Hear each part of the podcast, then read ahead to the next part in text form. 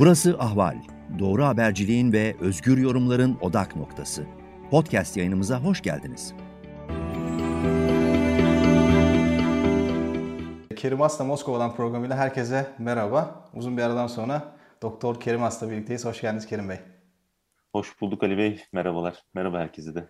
Evet. Siz şu anda Moskova'dasınız. Olayları daha e, merkezinden takip eden bir uzman olarak sizle bir bu Ukrayna meselesini konuşalım istedik. A'dan Z'ye böyle hani böyle e, hani Bilal'e anlatır gibi denir ya.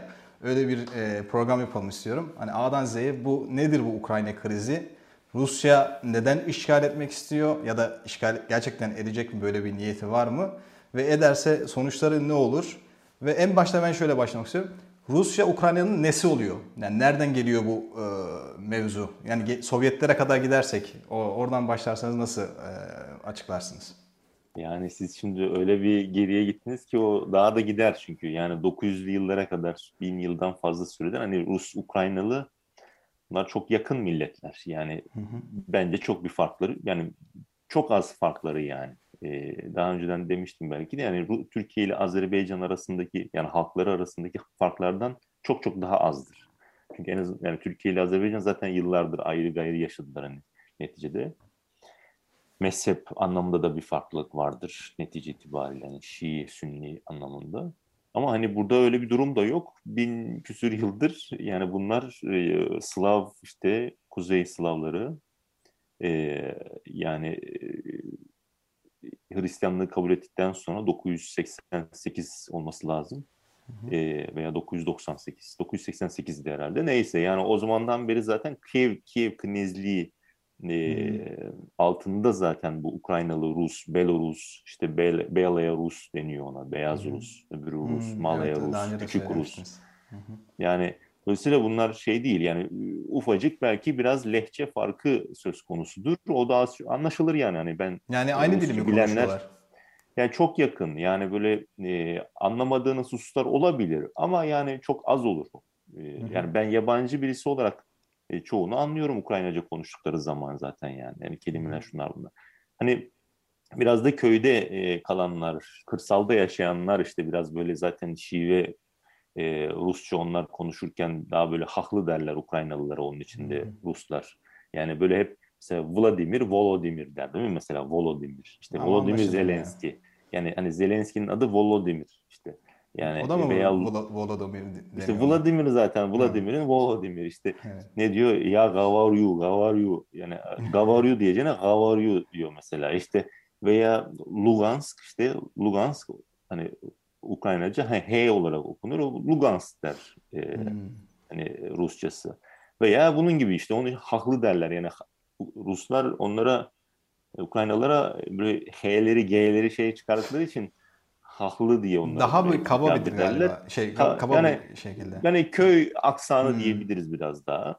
Ama hani Ukraynaca birazcık daha ben tabii Rusça konuşmalarından bahsediyorum. Yani Ukraynalıların Rusça konuşmalarından biraz bahsediyorum ama hmm. Ukraynaca da çok bir farklı bir dil değil gerçekten de. Değil sadece o yerelin verdiği e, bir hani farklılık diyebiliriz. Yani e, böyle dağda yürüyünce Kürt Kürt olduğu işte hani Türkler dağda yürüyen hani öyle değil. Türkçe Anladım. Kürtçe farkı gibi bir fark yok yani. yani öyle bir Türk-Kürt e, bir bir farklılık var neticede evet. dilleri şusu busu neyse yani. Orada burada böyle bir durum yok. Yani onlarda maskal derler onlarda. Maskviç işte maskal. E, Ukraynalılar da Ruslara hani biraz böyle e, onlar haklı deyince onlar da maskal derler. Neyse hani demek istediğim bunlar çok yakın. Ama Ukrayna'nın batısı haliyle batıya daha yakın. Polonya'ya daha yakın. Katolik alemine daha yakın tarihten de gelen hani Lviv şehri olsun, diğer bölgeler olsun. Ukrayna o Dnepr nehrinin batısı Kiev yine karışıktır. Ama Ukrayna'nın batısı özellikle yani Polonya'ya yakın yerler e, daha böyle batı kültürüne, mimarisi de zaten değişiktir birazcık daha. Yani e, şey değildir o kadar yani e, Rusça anlamında değil yani dil anlamında yaşam, Slav ırkı, kültürler kültür anlamında falan kastetmiyorum e, siyasi anlamda hani e, Batı'ya yakınlığın verdiği, Polonya'ya yakınlığın da verdiği, işte Polonya'nın biraz Rusça, Rusya'ya yönelik zaten ilişkileri bayağı kötü. O da 300-400 yıldır onun da geçmişi var. Neyse demek istediğim hani Ukrayna'nın batısında biraz Rusya karşıtlığı biraz değil hani özellikle şu son yıllarda da artmıştır. Çok uzatmayayım böyle tarihe so- falan. Sovyetler zamanında sonuçta bir beraberdi aynı toprak. Sovyetlerde aynı... zaten aynı. Ukrayna Esrarı, Ukrayna Sovyet Cumhuriyeti, Sovyet Sosyalist Cumhuriyeti, Rusya Sovyet Federatif işte Sosyalist Cumhuriyeti yani RSFSR diye geçer. Dolayısıyla bunlar aynı zaten Sovyetler Birliği'nde de e, aynı çatı altında yaşamış halklar. Şimdi tabii e, 1950 e, üçte e, zannediyorum öyle olması lazım. Kuruşev e, Kırım'ı Ukrayna esrarından alıp Ukrayna Sovyetlerinden alıp hediye olarak işte Rusya şeyine veriyor. O zaman zaten o Sovyetlerin başındaki isim o, o karar veriyor. Hı hı. Stalin'den sonraki lider. E, yani bunu neden yapmıştır, neden yapmamıştır? İşte sevgilisi yok Kırımlı olduğu için yaptı diyorlar, bilmem ne diyorlar. Yani o işin şey kısmını çok yani bilmiyorum açıkçası. Yani, yani bunları duyuyoruz da ne kadar doğrudur onu teyit edebilecek durumda değilim yani. Ama hani o çok önemli değil. Aynı çatı altında ülke olduğu için zaten hani işte Bilecik'i ne bileyim işte Gümüşhane'yi Bayburt'tan Bayburt'u Gümüşhane'den alıp il il yani diyorsun. Onun gibi düşünün yani biraz şey. evet. şey. Dolayısıyla o e, Rusya'dan alınıp pardon Ukrayna e, esrarına veriliyor. Tam tersi biraz önce yanlış söyledim. Değil yani, mi? Ukrayna'ya e, yani Rusya Sovyet Federatif Cumhuriyeti'nden alınıp gidip şeye veriliyor. Ukrayna tarafına veriliyor. Ta Tabii o zamandan bu, göz koymuş yani Krayne yani, şey Kırım'a şey Rusya o zaman şey yani Putin tarafı diyelim hani. Tabii işte bunu söylüyorlar yani Rus tarafı şu an Kırım ilhak edildikten sonra falan bizim zaten, hani, zaten. Ya zaten hmm. bizim de zaten o Ukrayna'ya e, Sovyetlerine verildi. Zaten aynı ülkedik. Niye verildi? Şey değildi. Zaten hmm. Ruslar yaşıyordu Kırım'da falan diyerekten. Hani Kırım Tatarları da o biliyorsun Stalin'in bir sürgünü oluyor. Dolayısıyla Kırım Tatar nüfusu da e, olağanüstü derecede azalıyor. Nazilerle işbirliği yaptığı dolayısıyla bazı Kırım Tatarları, bazı yani Yekun'unu diyeyim, bazıları işbirliği yaptığı dolayısıyla öyle bir sürgün yaşatılıyor. Sonra Sovyetler yıkıldıktan sonra Kırım Tatarları da dönemiyor da yani. Çok büyük oranda da dönemiyorlar Kırım'a. Ukrayna'da o anlamda e, Kırım Tatarları gelsin dönsün diye öyle bir politika da izlemiyor. Yani onu da belirtelim. E, Sovyetler sonrasında yani 2014'e kadar. Tabii Kırım Tatarları yüzde 12 2001 yılındaki sayıma baktığınızda Kırım'da Kırım e, e, otonom cumhuriyeti diye geçer orası. Evet. Ukrayna sırasında. 2001 yılında en son Ukrayna'da yapılan nüfus sayımı öyledir zaten. 2001 yılıdır. 2023'te yapılması planlanıyor yeni. Ona baktığınızda Kırım Tatarlarının oranı Sivastopol'ü katmıyorum. Sivastopol'ün özel bir statüsü olan bir şehir. Yine Kırım Yarımadası'ndadır ama Kırım Otonom Cumhuriyeti içerisinde değildir. Ee, Sivastopol'de Ruslar %80, %78 civarında ama Sivastopol hariç Kırım Yarımadası'ndaki Kırım Tatarların oranı %12. Çok az. Ee, az. %58 Rus etnik e, olarak kastediyorum. İşte geri kalanın çoğu da zaten Ukraynalı %30'lar falan oluyor. Yani e, Kırım, Sivastopol zaten %78 Rus oranı. Kırım'ın yani 2001 yılı nüfus sayımına kastediyorum. Dolayısıyla e, Kırım'ın Otonom Cumhuriyeti Kırım Yarımadası genele vurduğunuzda yüzde 50'nin zaten üzerinde oluyor. Bu tabii bir meşrulaştırma yani evet. o ilhakı olumlayamazsınız. E, o zaman her ülke gitsin öbürü de Çeçenistan'da da Çeçen fazla. Çeçenler o zaman bağımsızlığı ilan etsin çıkar bu yani. yani. Rusya açısından aslında çok bir şey bir argüman değil ama Peki o bölgenin insanı diyor. Rus Rusya'ya mı daha yakın yoksa Ukrayna'ya mı? Orası Rus yani orası yani Kırım Kırım ben defalarca gittim orada Rusya e, yani Ruslara yakın orada. Mevcut nüfus yani 2001 yılı 2014 yılı da yani orada insanlar e, tamam %97-98 çıktı referandum. Hani öyle Rusya e, sonuçları öyle açıkladı. Yani %97-98 değildir belki. Yani şöyle Tatarlar falan e, şey yaptı yani katılmadı. Protesto ettikleri için katılmadı. Hani katılsalar düşerdi o oran daha da. Ama hani hadi %97 olmasın ama yüzde yani ben 70'in altında falan çıktığını hiç düş zannetmiyorum. Ben anlatabiliyor muyum? Çünkü hmm. şey değil yani hem etnik olarak şey bir de yani e, yani Rusya'yı her halükarda aynı toplumun paydaşları, farklı bileşenleri daha büyük ülke olarak görüyor e, oradaki nüfus. Yani Ukrayna'yı, Kiev'i yani neticede küresel büyük bir aktör değil. Yani dediğim gibi 2014 sonrası çok defa gittiğim için çok biliyorum. Tatarlarla da görüştüm, ettim. E, he, e, yani e, Moskova'nın bölgede hakim olmasına, Kırım'ın ilhakına karşı çıkan, çıkan Tatarlar var mı? Var. Bunlar e, önemli ölçüde sindirildi mi sindirildi insan hakları ihlali yapılmış mı yapıldı yani yapıl yani bunu kimisi zaten e, razı olmayanlar zaten ülkeyi terk ettiler Kırım'ı terk ettiler işte hani Zelenski ile Erdoğan konuşmalarında sürekli geçer ya yani kimisi terk etti ama ama çok çok büyük kısmı da kaldı yani bu da bir gerçek yani Kırım Tatarı da olsa kaldı niye zaten çoğu yani bu da anlaşılabilir. E, zaten Rusya, Ukrayna, Ukrayna 2014'e kadar e, Kırım'a zaten bir yatırım yapmadı gerçekten de. Yani bu da bir gerçek. Yani böyle bir gerçek de var. 2000 e, yine ilhakı olumlama anlamında söylemiyorum. Ama Tatarların bakış açısından, çoğunun bakış açısından baktığınızda e zaten ha Ukraynalı ha o Slav e, e, ne diyelim kır, kır, Slav kültürü veya Slav iktidarı altında yaşayalım ya da Rus iktidarı altında yaşayalım fark etmez. En azından Rusya büyük ülke. Bro yani aldı falan yatırım yapar. Ki nitekim de baktığınızda 2014'e kadar Kırım'a yönelik 91'den 2014'e kadar Ukrayna'nın Kiev'in çok fazla dediğim gibi çok yani hiçbir yatırım yapmamıştır. Yani çok azdır. E, ama 2014'ten sonra işte havalimanının yapılması, yeni havalimanı yapıldı. Ben eskisinde de gitmiştim, yenisine de gittim. Yani ne bileyim işte e, yol yapıldı, o Kerç Köprüsü yapıldı biliyorsunuz. Hani e, ana Rusya ana kıtayla birleştirdi onu, ana toplayla birleştirdi. Başka başka yatırımlar da oteller falan yapılmaya başlandı, turizm sektörü falan geliştirilmeye çalışılıyor.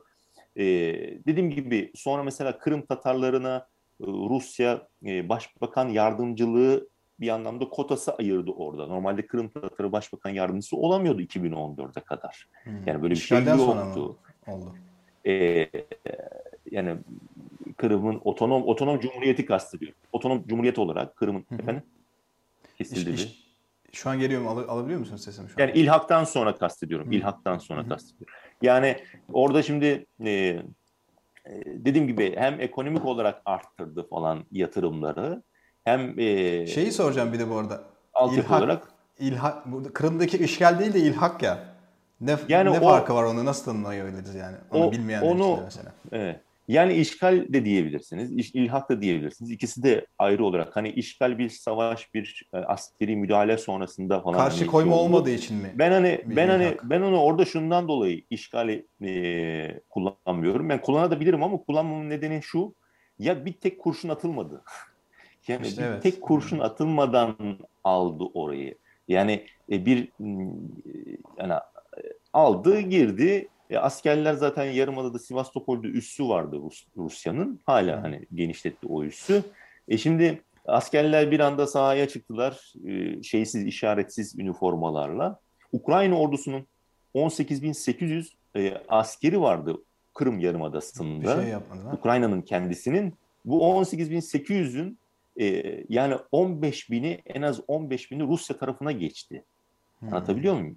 Kırım'ın ilhakı sırasında. Şimdi böyle bir e, şeyi ben hani şahsen işgal demiyorum. Evet. Tercih meselesi de çünkü bir savaş bir kur, tek kurşun atmadı yani atılmadı. He, o da bir açıdan iyi. Ölüm olmadı. Hani şey olmadı. Peki bu sefer Ama Ukrayna'ya hani gelirsek. Bu, bu, Evet, Biraz şimdi daha... hani orayı bitireceğim. Evet, tamam. Yani demek istediğim e, Kırım'ın ilhakını dediğim gibi olumlama anlamında demiyorum. Hani Ru ama Rusya burayı e, mesela eğer o devrim e, yani meydan olayları olduktan sonra gelen iktidar ne diye düşündü Rusya? Sivastopol'de askeri üssü var. Şeyle 2049'a kadar uzatılmıştı o üssün süresi e, Yanukovic taraf Yanukovic yönetimi tarafından yani bir şekilde uzatılmıştı. 2009'da olması lazım imzalanmıştı yeni anlaşma. E şimdi Ukrayna'da iktidar değişiyor. Rusya kendi çıkarlarına ne diye bakıyor? E, Sivastopol üssü bunun süresini şimdi bitirirler. Anlaşmayı feshederler yeni iktidar. E, buraya NATO üssü mü gelecek? Amerikan üssü mü olacak? Yani Sivastopol'den Ruslar çıkıp Amerikalılar mı gelecek? E bu Amerikalılar geldiği zaman e, zaten sınırımızın dibi yani bütün stratejik dengeler alt üst olur. Yani jeopolitik olarak, askeri stratejik dengeler olarak Rusya'nın zaten kabul edemeyeceği bir şeydi o. Ben hani 2014 yılında da ben gittim. İlhak'tan hemen sonra da Kırım'a gittiğimde orada Tatarlar falan e, sadece Ruslarla değil, Ukraynalılar yani oradaki şeylerle değil, Tatarlarla da görüştünüz. Zaten herkes, herkes şunu diyordu. Zaten herkes bekliyordu. Biz o, hmm. biz burada Rusya'nın zaten e, bu meydan olayları başladıktan sonra bir şekilde burayı zaten kendi egemenliğine almak isteyeceğinizi zaten hepimiz biliyorduk. Biz sabah kalktığımız hiç şaşırmadık. Yani kaldı ki bu mesele 2014'e gelmeden de 2004 yılında Yushchenko zamanında o yine orada bir e, turuncu devrim olmuştu Ukrayna'da. Sonra 2008'deki karışıklarda falan da yine Rusya'nın ilhak edip edeme yani etme ihtimali çok yüksek oranda yani Moskova'da da tartışılmıştı, konuşulmuştu. Şeyde de Ukrayna'da da bu ihtimal dediğim gibi dile getirilmişti. Uzattım yani demek istediğim o 91 yılından 91 e, yılından hani Sovyetler yıkıldıktan sonra evet. Kırım Ukrayna'da kaldı ama e, şey e, yani gerek yatırım olsun Kırım Kırım kendisi Kırım'ı kendisine de yabancılaştırdı. Yani Kırım Otonom Cumhuriyeti'nin de e, kendi anayasasına göre e, referandum yapma yetkisi de var. Yani ayrılma ülkeden daha doğrusu şöyle söyleyeyim ülkeden ayrılmaması noktasında bir yasak yok. Hmm. Anlatabiliyor muyum? Yani Onu şimdi orada böyle yani, küçük küçük şeyler var. Yani e, nüanslar var ve o nüanslardan faydalandı Rusya'da. Şimdi orada 2014'te olaylar 2013 sonunda Kasım ayında başladı protestolar. 2014'e gelince e, Şubat ayı e, Yanukovic mesela onu da söyleyeyim. O da çünkü önemlidir. Yanukovic orada Almanya, Fransa ve Polonya'nın Dışişleri Bakanlarıyla görüştü. 22 e, Şubat olması lazım. Yanukovic iktidarda kalacağına ama bununla birlikte reformlar yapılacağına dair bir anlaşmaya da varıldı. Normalde Rusya ilhak da etmeyebilirdi. E, ama bu anlaşma bozulduğu için sonrasında yani 22 Şubat'tan sonra o anlaşma tutmadı. Yanukovic kaçmak zorunda kaldı. Protestolar daha da büyüdü. İşte e, Amerikan o zaman Büyükelçisi Victor, Victoria Nuland, şimdiki Dışişleri Bakan Yardımcısı, Blinken'ın yardımcısı çok e, antipatik bir isim olarak kabul edilir Rusya'da yani. Protestocular bizzat hani peçenye diye yani bisküvi falan dağıtarak böyle yardımcı ederek yani direkt hmm, bir orada zaten şey gözüküyor. Bir e, protestoculara verilen bir destek var batıdan destek. Hem bu da o ülkenin kendi e, şeyidir dersiniz. Beni ilgilendirmez diyebilirsiniz. Ama bunlar hep Rusya'yı provoke eden şeyler ve Almanya, Fransa, Polonya Dışişleri Bakanlarıyla varılan anlaşma tutmayınca evet. e, orada hemen 3-5 gün içerisinde Kırım Otonom Cumhuriyeti kendi içerisinde başbakanını bilmem şuyunu bunu kararları alıp hızlı bir şekilde e, yönetimi bir anda değiştirdi orada biraz ve e, nasıl diyeyim dediğim gibi o yasak olmaması e, yani Kırım Otonom Cumhuriyeti'nin Ukrayna'dan ayrılmasına yönelik bir yasak olmaması anayasasında Biraz bu Rusya orada bir alan açtı. Gibi yani sanki. işte he, onu diyorum o bir meşruiyet açtı. Hani tırnak içerisinde söylüyorum ne kadar meşruiyetse.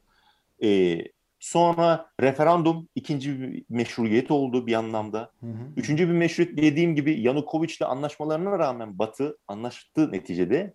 Ama Batı sözünde bir an yani durmadı gibi oldu. Çünkü protestolara destek vermeye devam etti. Dolayısıyla bu Rusya için de yine orada şu an mesela bunu kullanıyor Rusya. Diyor ki anlaştınız ama diyor 22 Şubat'ta Yanukovic sizinle anlaşmıştı. Ama yine de onu dedi tutmadınız yani şey yapmadınız. Onu devirmeye çalışmaya devam etti. Devirmeye çalıştınız diyor. Dolayısıyla böyle birkaç 3-4 argümanı var Rusya'nın da anlatabiliyor muyum şey anlamında? Nüfus var. Nüfus falan işte Rus zaten Rus toprağıydı.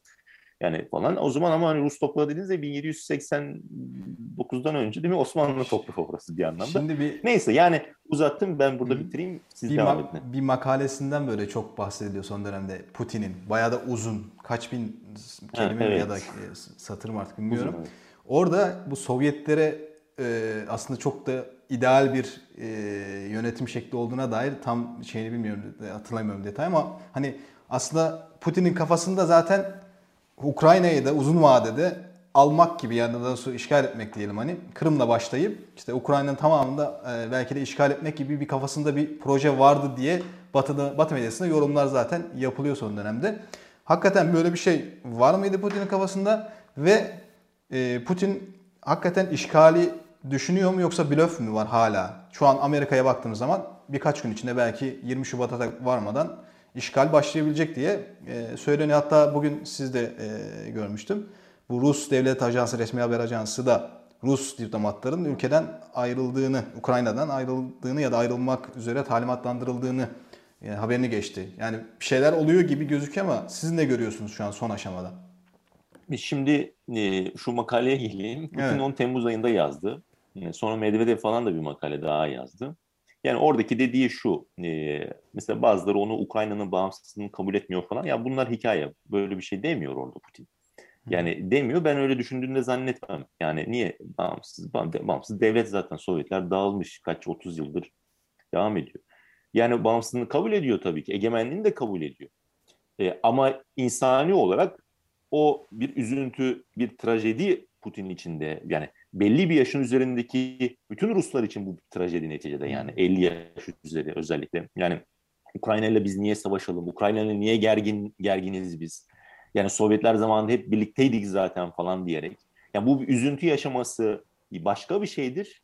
Ama real politik bunu sahada Ukrayna'yı işgal edeceğim ben e, ben Putin'in böyle bir şey düşündüğünü zannetmiyorum. Tamamen hani kontrolümü alacağım falan böyle yani o da biliyor. Benim bildiğimi o da bilmiyor mu yani? Lviv'di, şuydu buydu onlar dediğim gibi Ukrayna'nın batısı özellikle e, Moskova ile birlikte olmak istemiyor yani. Niye girsin orada başını belaya alsın? Putin rasyonel bir aktör bana bence yani. yani şu ana kadar en azından takip ettiğim kadarıyla böyle e, şeyin üzerinde e, hani nasıl diyelim yani yanına da bilir neticede Putin. Yanılmaz değil tabii ki.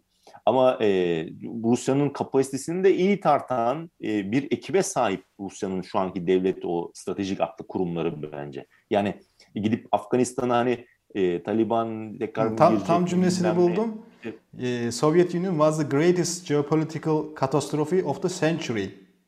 Putin'in tam kelime şey cümlesi bu. O, hmm, evet, ben bu, onu, bu, bu makalede varmış galiba. Onda da söylüyor. Yani e, o makalede tekrar edip etmediğini hatırlamıyorum ama onu yıllar önce söylemişti. O da şu, o da o da normal Rusya'nın yani onu bence hmm. Putin değil milyonlarca Rus aynı şeyi düşünür. Ne de yani 21 20. yüzyılın en büyük e, jeopolitik hani trajedisi, trajedisiydi yani. Bir, bir neticede kendi büyük bir ülkesi yıkılmış. Sovyetler Birliği Rusların şu ana kadar tarih boyunca ulaştığı en büyük sınırlara ulaşmış. Batı medyası işte bunu Sovyet özlemi diyor, yani yorumluyor yani. İşte Sovyet yani, yani, yani Putin'in mesela başka bir sözü de var. Yani savunma hmm. anlamında değil de ben Putin'i o kadar irrasyonel bir aktör olarak görmediğim için söylüyorum bunu.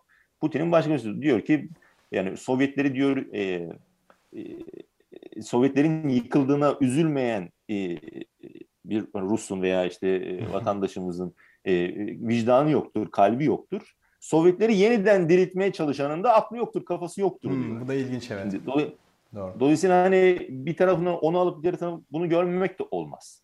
Evet. Yani şimdi mesela Osmanlı yıkılmış, e, Türklere sorsaydınız e, diyelim 1920'de 30'da 50'de neyse işte büyük bir kısmı muhtemelen Anadolu'da evet. insanlar Osmanlı olsaydı derler yani Kanuni Sultan zamanında yaşasaydı demez mi? Der büyük oranda yani.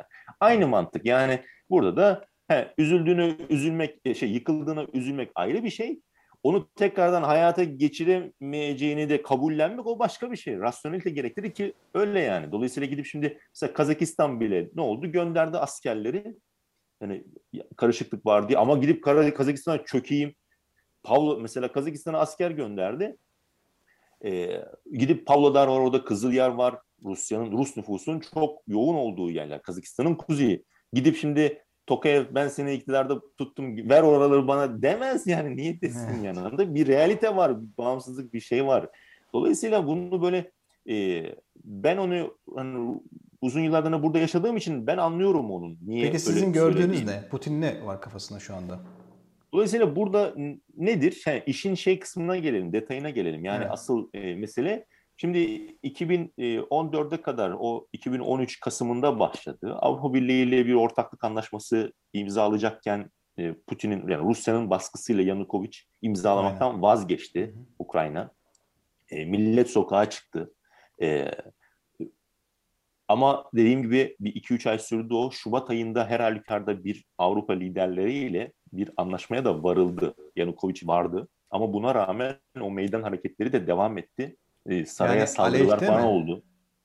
Yani şeyin sarayına falan girildi yani netide. O da ayrı bir diktatör Yanukovych. O da yolsuzluğun dibine batmış bir liderdi. Evet. O başka bir konu da ama hani e, o anlaşmaya uyulmadığı anlamında Rusya bir argüman veriyor bu ister istemez tamam mı? Dolayısıyla orada o iş patlak verince Rusya hemen zaten nüfus olarak oranın bence e, orayı Kiev'den çok daha iyi biliyordur 2014'te bence Moskova. Yani oranın nabzını daha iyi biliyordur yani bence kesinlikle. Zaten hem Rus etnik nüfusun çok yoğun olduğu bir yer e, hem de yani üssü var hem de dediğim gibi Kiev zaten 15 10 13 yıl boyunca doğru düzgün Kırım'la bir irtibatını doğru düzgün kurmamış. Yani şeyi yok, yatırımını yapmamış, siyasi olarak bir e, yani böyle bir güçlü değil orada.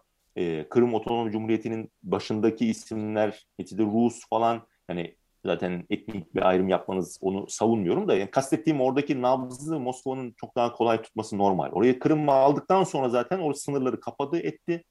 Hemen kuzeyle Ukrayna'da geçti, kontrol altına aldı.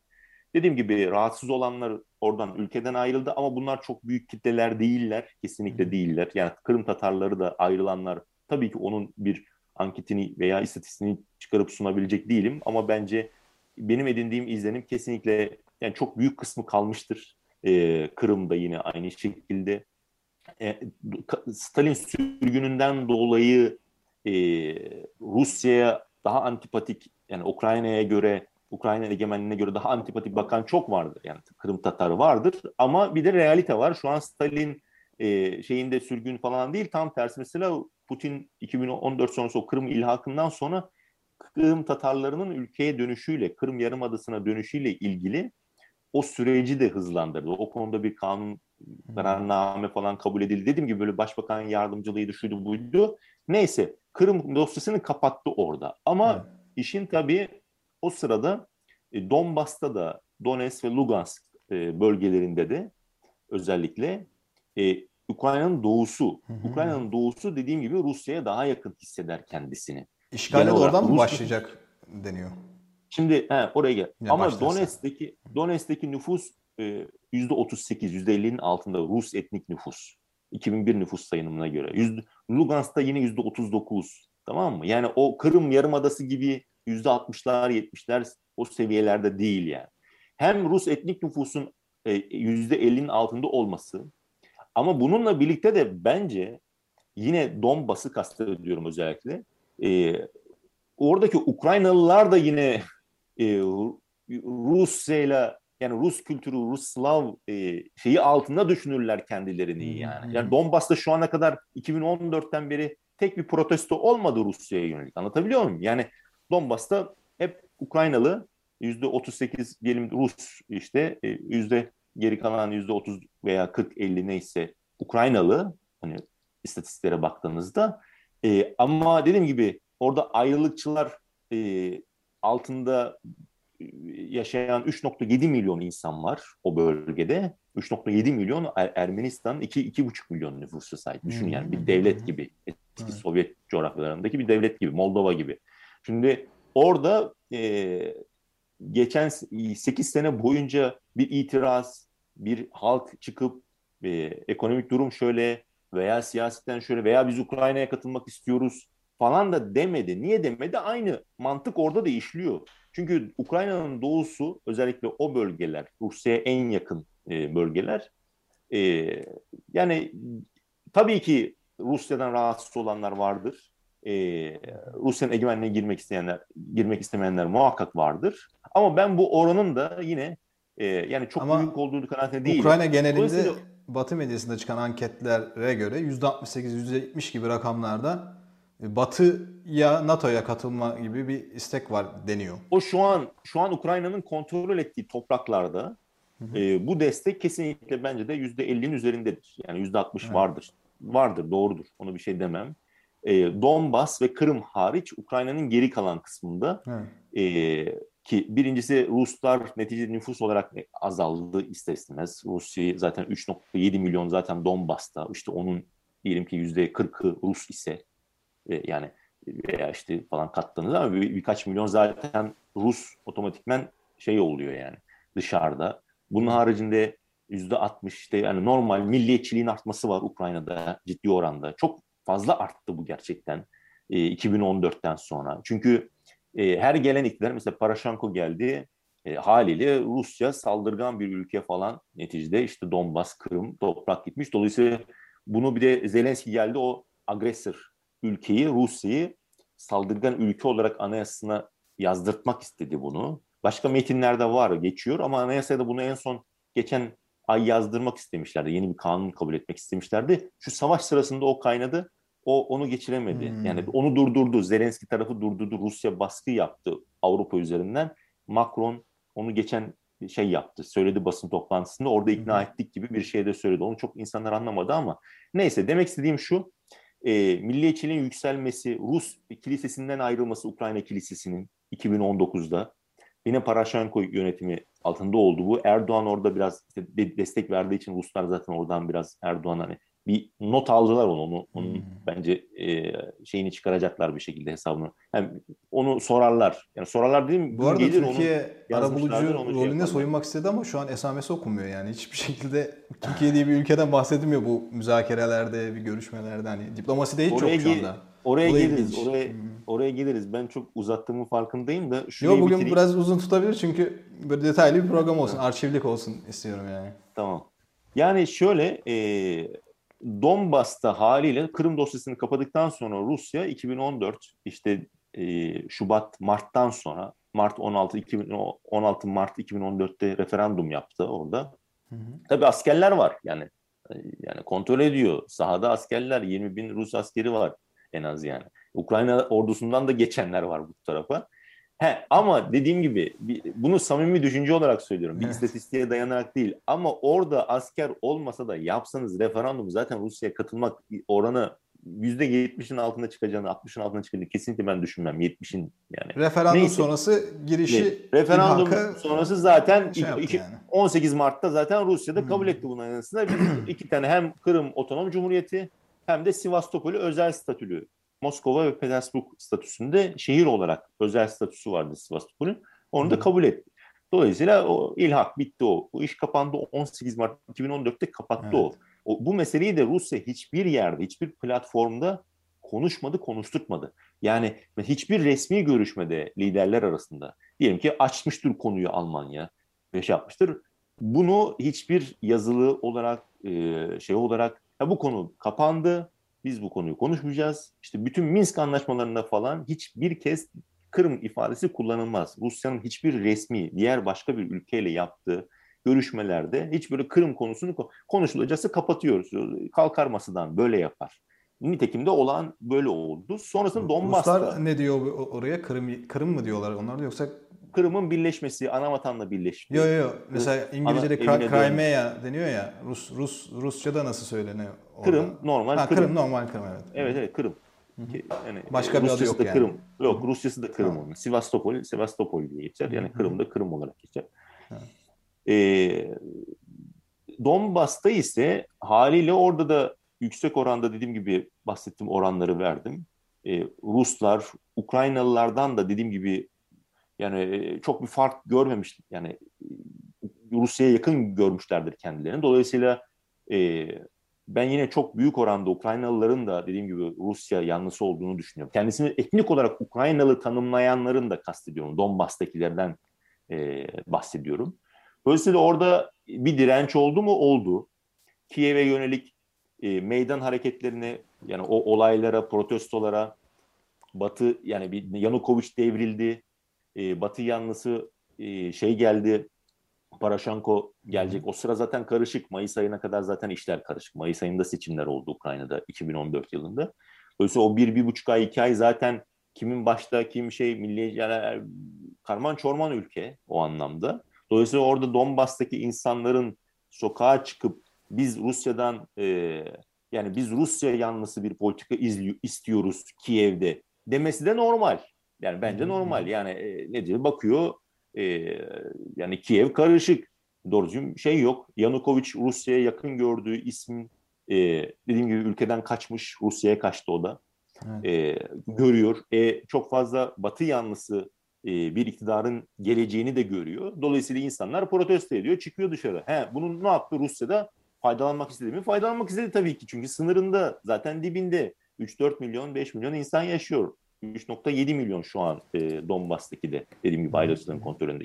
Şimdi dolayısıyla şu an Rusya'da ne yaptı? nüfusu 35-40 milyon arası 40, bir şey mi? 45 falan olması ha, 45, lazım. 40, 40, 45. Hani dediğim gibi nüfus hala sayım yapmadılar. 2023'te falan diyorlar. Hmm, en son evet. 2001'de yapmışlardı ama hani tahmini böyle 43, 44, 45 öyle bir şey Anladım. olması lazım. Hmm. Şimdi bu olunca e, zaten zemin uygun. e, Kırım dosyasını zaten e, konuşulmaması için yeni bir şeyin de oluşması lazım. Hem jeopolitik açıdan e, sınırınızın dibi Donbas. Rusya açısından bakıyorum ben. Rusya nasıl düşünmüştür bunu? Kırım'ı konuşturmayacak. Başka bir şeyin de olması lazım. E, Donbas'ta e, bir askeri batı yanlısı bir yönetimin Donbas'ta Rusya'ya yönelik bir silah, füze falan yerleştirmesi. Yani bunlar yani ileriyi düşündüğünüzde 5 yıl 10 yıl sonrası NATO üyesi bir Ukrayna falan. Bunu kabullenemez Rusya. Benzer nedenlerle Kırım'da nasıl kabullenebilirse orada da kabul. E, Rus etnik nüfus yaşıyor çok fazla. Kendisine yakın gördüğü bir kültür yaşıyor. Dolayısıyla oradaki ayrılıkçılara destek verdi mi? Verdi. Veriyor mu? Veriyor. Bence şu anda veriyor yani. Bu çok açık. Askeri olarak da destek veriyor. Finansman olarak da destek veriyor. Orada savaşan insanlar şunlar bunlar maaşları nereden alıyor? Yine Rusya'dan alıyor. Hı. Sonra şunu da düşünün. E, bu insanlar e, ya da oraya geleyim birazdan. E, yani iki bu hali orada protestoların başlaması kadar normal bir şey yok. E, yine olumlama anlamında söylemiyorum ama Rusya'nın destek vereceği vereceği kadar net bir yani vermesi kadar normal bir durum da yok. Anlatabiliyor muyum? Çünkü sınırınızda Rus yaşıyor. Ne yapacaksınız orada? Yani Putin değil başka bir Rus lider de olsa Donbas'a her türlü desteği verirdi. Yani bu iki kere iki dört. Ee, böyle realite bu. Yani realite bu. Bunu, bu yapacak bir şeyiniz yok. Hani Putin en son dedi ya Nravitsa, Nravitsa, terpimaya krasavitsa diye. Yani beğenirsin, beğenmezsin sabredeceksin güzelim diye. Yani hani yapacak bir şey yok. Bu iş böyle. Coğrafya biraz da kader. Her ülke yüzde yüz egemen, ideal bir egemenliğe sahip e, bir ülke dünyada 3-5'i geçmez bence. Yani hani e, kim Amerika ideal seviyeye en yakın olandır. Rusya, Çin, İngiltere, Fransa, Almanya bile doğru düzgün mesela güçlü bir orduya sahip değildir. Yani ideal bir egemen ülke hani böyle tamam bir şey üzerinden gidelim. Her ülke egemendir, her ülkenin bir oyu vardır. Birleşmiş Milletler'de doğru tamam da bir de realite var. Ee, yani her ülke de e, o kadar da egemen değildir. Yani bu da bir gerçek. Dolayısıyla bazı ülkeler gücünü kullanır, bazı soft power, bazıları hard power'ını kullanır. Ee, bu biraz da realite gücünüz varsa, dengeler müsaitse karşı çıkabilirsiniz. Öbür türlü katastrofik sonuçlarla karşılaşabiliyorsunuz. Demek istediğim sonra Donbas'taki mesele çatışmalar büyüyünce yani Kiev'de iktidar falan neticede Mayıs ayında seçimler oldu. Paraşenko geldi 2014 yılında. Ee, bir harekat başlattı Donbas'ı kontrolüne alayım diye. E, Rusya ayrı destek veriyor Donbas'a falan. E, Rus ordusuyla nasıl e, çarpışıp başarabileceksiniz? Başaramazsınız yani. Böyle bir şey yok. Hani dediğim gibi egemenlik yani Türkiye aldı S-400'leri kullanabiliyor mu? Kullanamıyor. Niye? O kadar egemen değil çünkü yani kararlarında yüzde yüz egemen olan bir ülke bence dünyada yok. Ama yüzde yüze yakın e, en yakın ülkeleri biraz önce saydım. Yani Türkiye'nin e, o egemenlik şeyi barajı nedir? Yani sıfırın altında bile olabilir. O da ayrı bir konu yani. Hani de, demek istediğim bir realite var. E, bu realiteyi de kabul etmek lazım. Dolayısıyla orada Paraşenko Donbas'ı kontrolümü alayım diye e, iki defa harekat düzenledi, askeri harekat düzenledi. Zaten Rusya da, Rusya da şimdi onu diyor. Belki üçüncü defa düzenleyecek diyor. Biz onun için askeri yığdık diyor sınıra diyor. Rusya şimdi onu diyor. Zaten iki Kaç defa... Bin, şu an ama çok korkunç sayıda askerden bahsediliyor yani. Var, o kadar var. küçük yani küçük demeyelim hani. Oraya gelelim, oraya gelelim. Evet, şimdi do, dolayısıyla orada iki defa askeri harekat, büyük askeri harekat yaptı. Normalde ikiden fazla da ama büyük olarak Donbas'ı kontrolünü alayım diye yapmaya çalıştı. Eylül 2014'e geldiğinde hani Ukrayna ordusu tosladı bir anlamda. Hani hakaret anlamda söylemiyorum ama Rusya'nın desteğine, o Donbas'a yönelik desteğine tosladı. Ne oldu? Eylül 5 Eylül 2014'te birinci Minsk Anlaşması'nı imzalamak zorunda kaldı. Taviz verdi. Yani e, ve oradaki ayrılıkçılara yönelik bir sürü e, dediğim gibi taviz vermesi gereken bir anlaşmayı imzaladı 5 Eylül 2014'te.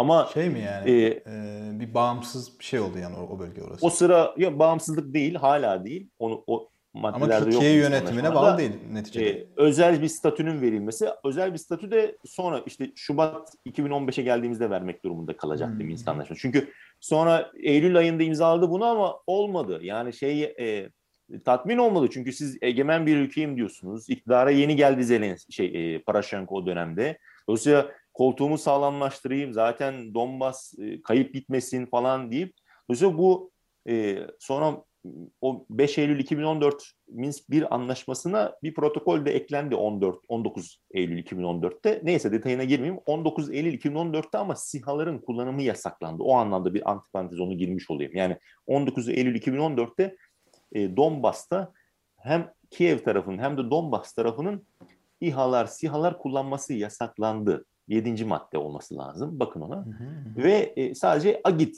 e, gözlemcileri kullanabilir. O da gözlem yapmak için kullanabilir hı. dendi yani. Dolayısıyla Türkiye oraya SİHA gönderiyor işte o maddeye takılıyor yani. Anlatabiliyor muyum? Çünkü bu ilginç bir şunu, her, evet. şunu herkes biliyor. Donbas'takiler de SİHA kullanıyor. İHA kullanıyor şu an.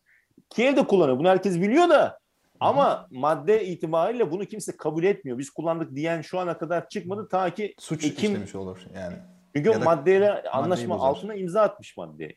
Ekim, Ekim, Ekim 2021'de ta ki ilk defa bunda Ukrayna biz dedi bayraktarları kullandık deyince zaten Türkiye işte hmm, orada radara patladı. yani hmm. şey yani o rahatsızlık hat safhaya vardı. Ukrayna ordusunun onu söylemesine resmi olarak söylemesine de gerek yoktu. O da bir heyecan yaptı herhalde. Gitti Genelkurmay Başkanı resmi olarak açıkladı biz dedi. SİHA'larla vurduk dedi o Rusların topçu ateşini bilmem neyini falan dedi orada hmm. şimdi mesela. Yani dolayısıyla e, Türkiye bir taraftan Rusya'dan S-400 alıyor. Rus silahı alıyor. Ukrayna'ya e, silah satıyor. Kimi için? Rusları vurması için satıyor. Yani bu çok Sanırım, ilginç bir döngü zaten. Şeye de baktığımız zaman böyle Matı medyasındaki makaleleri de böyle analizleri de okuduğumuz zaman hakikaten de etkili bir e, savaş aracı galiba SİHA'lar bölgede. Yani SİHA'lar hem Donbas'ta olsun düzensiz ordulara karşı küçük, entegre olmamış e, hava savunma sistemleri olmayan e, yani entegre olmamış, entegre olmayan hava sistemlerine sahip olan ordulara karşı ne bileyim işte mesela işte e, yeni modern e, sistemlere, silahlara sahip olmayan ordulara karşı bir üstünlük sağlıyor mu? Sağlıyor. Bu çok açık. Libya'da Hafter'in kaç uçağı var netice itibariyle yani anlatabiliyor muyum? Kaç şeyi var? Yani bunu sağlayabilirsiniz siz orada. İşte Ermenistan eski hava savunma sistemleri Sovyetler döneminden kalmıştı. Azerbaycan gitti ilk önce kamikaze dronlarını attı. Hava savun yani İsrail'den aldığı kamikaze dronlarını Azerbaycan kullandı.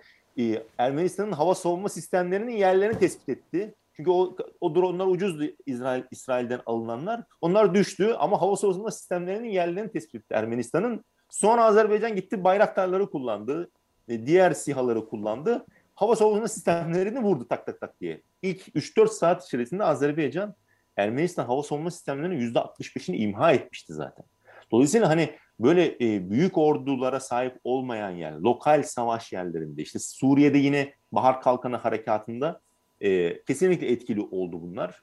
Suriye'nin elindeki sistemler e, birbiriyle entegre değillerdi, eskiydi. E, zaten Ruslar izin vermişti o 4-5 gün biliyorsunuz İdlib'deki çatışmalar sonrasında bir hava sahasını açmıştı Rusya. Hadi Türkiye'nin biraz yani gazını alma bağlamında bir te- şeyde karşı direnç de göstermeden vurmasına da imkan vermişti. Neyse uzattım. Donbas'ta da dolayısıyla Rusya yardım ediyor da gidip S-400'de vermedi yani. Gidip uçakta vermedi Donbas'taki ayrılıkçıları. Anlatabiliyor muyum? Yani dolayısıyla oradaki 3.7 milyon insanın artık ne kadar Ukrayna ordusundan elinde ne kadar kaldıysa ve Rusya'nın da verdiği askeri destek. Ama Rusya o kadar stratejik füze bilmem ne İskender vermedi ayrılıkçıların eline de. Dolayısıyla böyle bir Ukrayna ordusu karşısında haliyle Donbas'a bir SİHA'larla düzenlenebilecek bir operasyon eğer Donbas Rusya'dan destek almazsa e zaten belli Ukrayna ordusu zaten kazanır. Yani bu çok açık. Demek istediğim dolayısıyla e, Eylül 2014'e geliyorum. Minsk e, bir anlaşması imzalandı ama bu e, şey yapmadı. E, Paraşenko'yu durdurmadı. Paraşenko Ocak'ta Şubat'ta tekrar başlattığı harekat Donbas'a yönelik. Ruslar daha büyük destek verdiler Donbas'a. Daha da ilerlediler. Hani önceden daha az yeri kontrol ediyordu Donbas'ta. Şu an bile Donetsk ve Lugansk'ın yüzde 40'ını yüzde 50'sini kontrol eder ayrılıkçılar. Ama Donetsk ve Lugansk şehir merkezleri ayrılıkçıların elinde olduğu için o Donbas deyince aslında Donbas'ın bir kısmı Ukrayna'nın kontrolünde ama hani anlıyor musunuz demek? Yani dediğim gibi yüzde 50'si falan aşağı yukarı yüzde 40'ı yüzde 50'si ayrılıkçıların kontrolündedir. Ama şehir merkezleri de ayrılıkçıların kontrolündedir. Dolayısıyla hani onun için biraz da Donbas derken biz genelde hani ayrılıkçıların kontrolü altındaki bölgeyi kastediyoruz. Şimdi Ocak Şubat'ta 2015'te başlatınca tekrar harekat Gitti Ruslar daha fazla destek verince e, Debaltseve'de, e, Debaltsevo'da e, büyük bir yenilgi aldı Ukrayna ordusu tamam mı? Yani bayağı binlerce Ukrayna e, ordusu askeri esir e, durumuna düşmek, e, esir durumuna düştü bir anda. Hmm. Dolayısıyla e, o zaman da işte 12 Şubat, 11-12 Şubat 2015 hemen ertesi gün ben bu konuda bir yazı yazdığım için çok da iyi hatırlıyorum. 18 saat sürdü bu. Toplantı yapıldı e, Minsk'te. E, Normandiya formatı zaten 2014 Haziran ayında oluşturulmuştu. Almanya, Fransa, Rusya ve Ukrayna liderlerinin katıldığı, dört liderin katıldığı toplantılarda onlar. Merkel, Holland vardı o zaman, Fransız Cumhurbaşkanı. Putin ve Paraşenko dörtlü katıldı. Bir gün böyle öğleden sonra girdiler salona. Ta öbür gün sabaha kadar 18 saat sonra e, bir metin çıktı. Minsk 2 anlaşması. Zaten orada da Minsk 1'e Minsk 1 maddeleri de geçer ya tabii eskiyen maddeler var ama asıl metin Minsk 2 protokolleridir anlaşması olarak geçer o.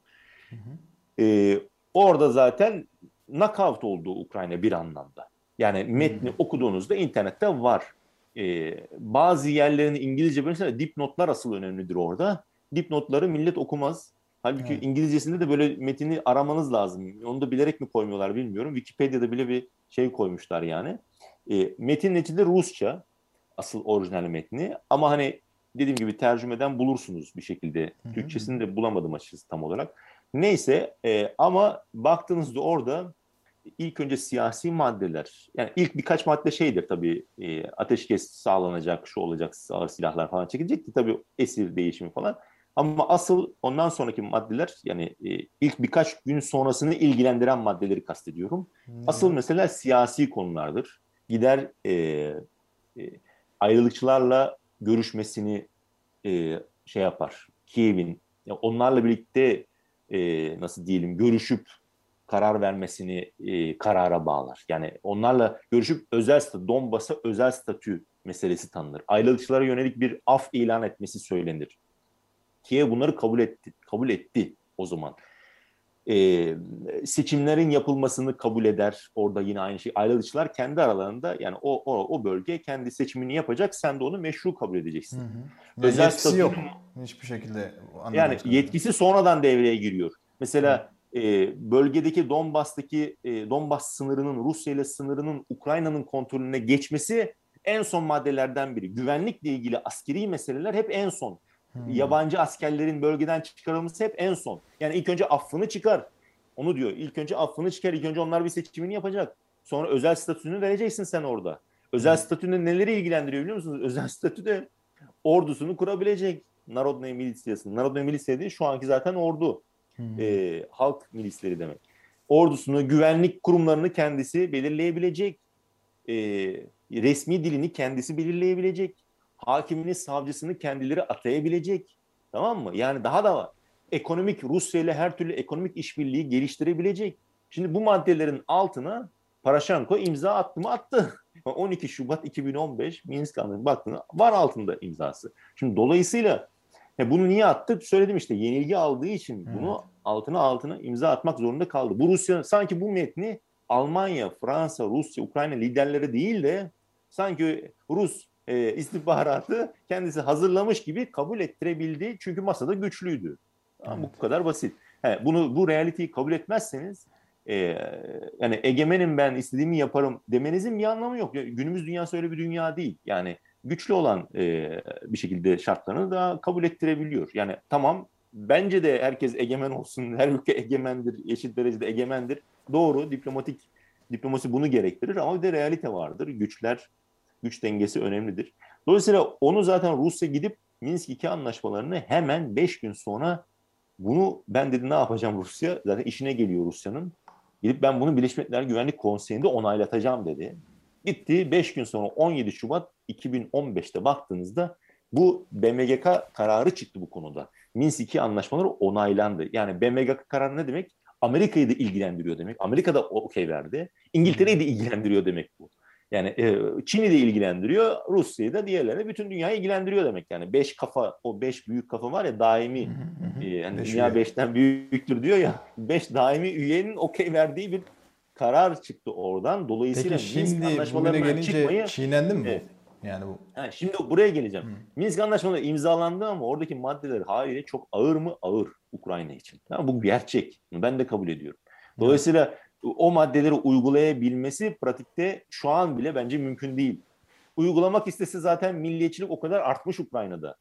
Ama kendisi de arttırdı. Neticede iktidar kendisi de bunu arttırdı. Rusya karşıtlığı üzerinden Rus yani ne o da ülkene şey yaptı, ilhak etti, işgal etti falan o hani onu da ben anlarım ama yani ben olsam şunu yaparım. Yani mantıklı, daha rasyonel gitmesi gerekir. Yani Ukrayna her halükarda Rusya ile belli ilişkilerini belli normalitede tutup normalitede tutup belli şekilde normalize edip e, Batı ile entegrasyonu devam ettirebilir normal.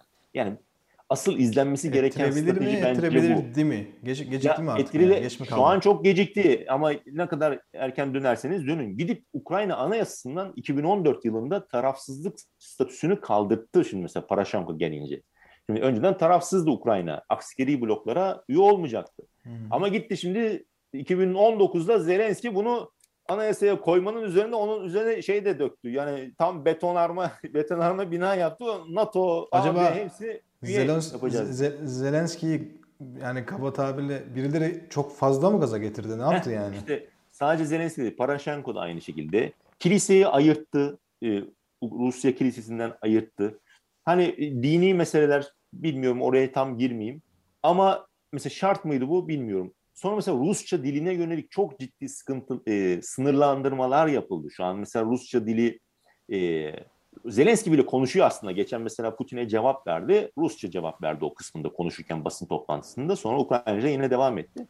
Ama e, demek istediğim şu, Rusça'ya yönelik sınırlandırmalar çok fazla arttı. Rusya'ya yakın yayın yapan televizyon kanalları, 3 televizyon kanalı geçen sene mesela kapatıldı. E, Viktor Medvedchuk mesela onu bir hapsetmek istedi Zelenski.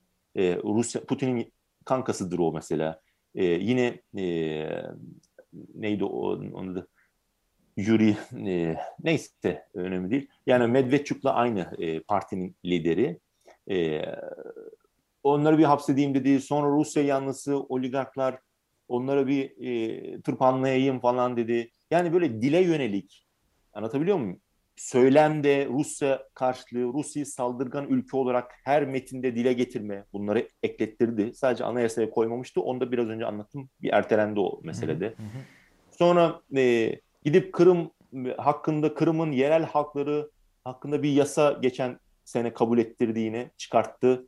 Şimdi mesela öyle bir diyorsunuz ki yasayı öyle bir ayarlıyor ki tamam e, e, şunu diyor yani yasanın girişinde şeyinde e, kendi devleti olmayan halkların e, gelişimine katkı sunan bir yasa. Yani mesela e, Rusya, Rusların Kırım'da Ruslar da vardı yerel halk olarak ama Rusların kendi devleti var Rusya.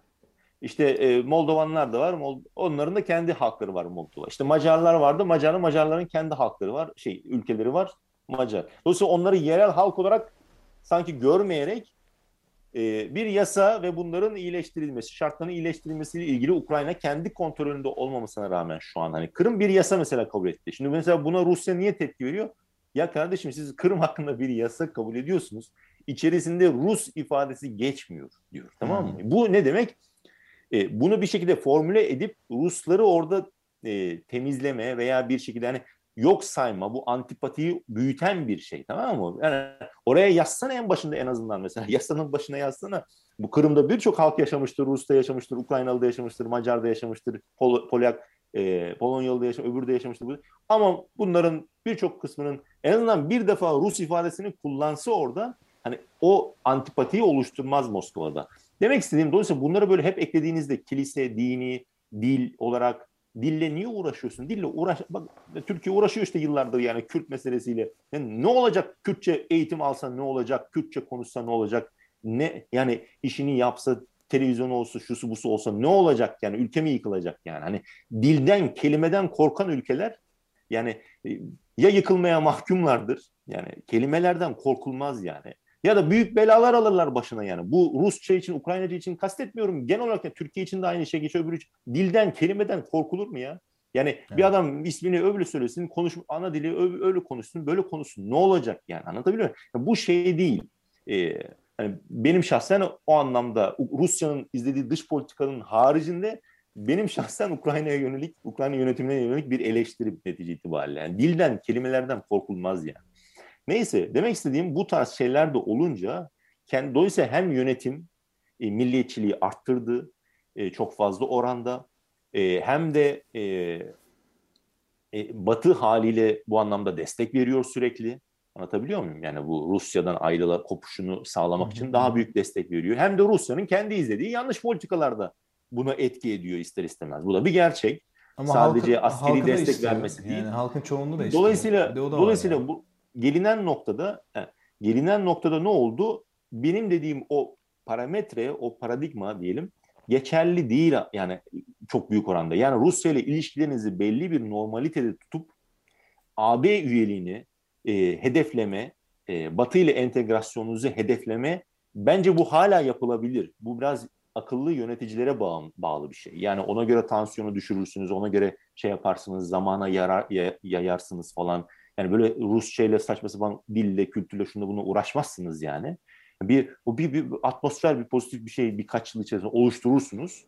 Sonra e, yani Finlandiya neyine yetmiyor yani Finlandiya modeli, Avusturya modeli neyine yetmiyor? Avusturya egemen değil diyebilir miyiz yani? yani anlatabiliyor muyum? Avusturya egemen bir ülke değil, Finlandiya egemen bir ülke değil, ne bir İsveç egemen bir ülke değil diyebilir miyiz yani tamam mı? Yani e, Ukrayna için yani jeopolitik şey mücadelenin şey parçası olmak Eğer kadar Rusya, Rusya ile Batı arasında jeopolitik ederse, mücadelenin parçası olmak kadar evet.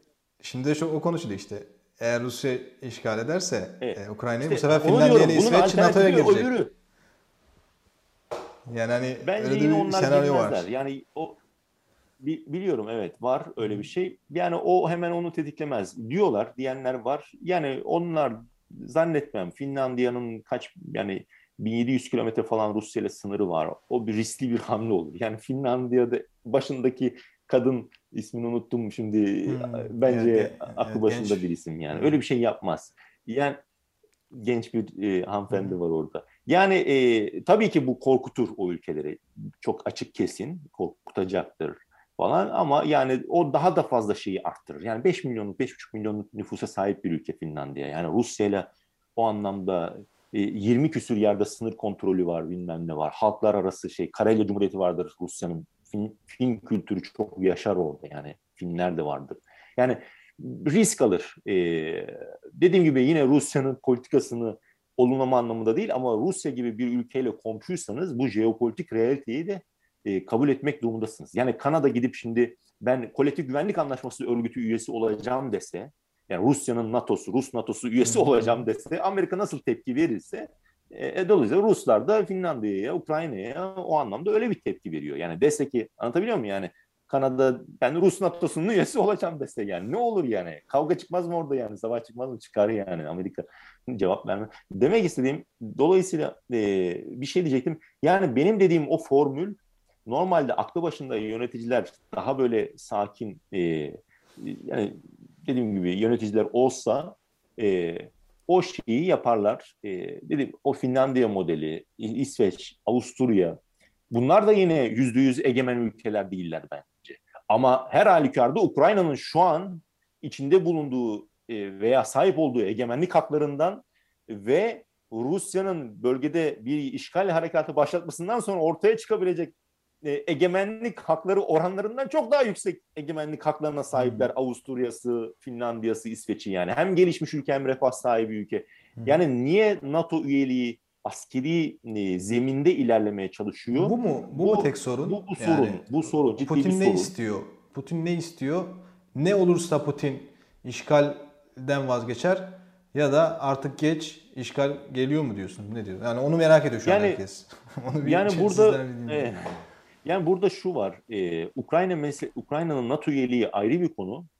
Bir de Soğuk Savaş sonrası ortaya çıkan o küresel e, düzen, e, dengeler, hani tek e, ilk etapta tek kutuplu ülke falan, tek kutuplu dünya pardon, işte Amerikan liderliğinde değil mi? 90'ların sonunda ve Clinton falan dönemi. Bu 2010'lara kadar falan sürdü değil mi? Bir heyecan vardı orada dünyada işte liberalizmin sonu falan.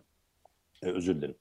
Yani e, yani e, liberal dünyanın işte zaferi anlamında böyle bir şeyler. Hı hı. E, ama bu Rusya'yı tatmin şöyle işte 30 yıl geçti.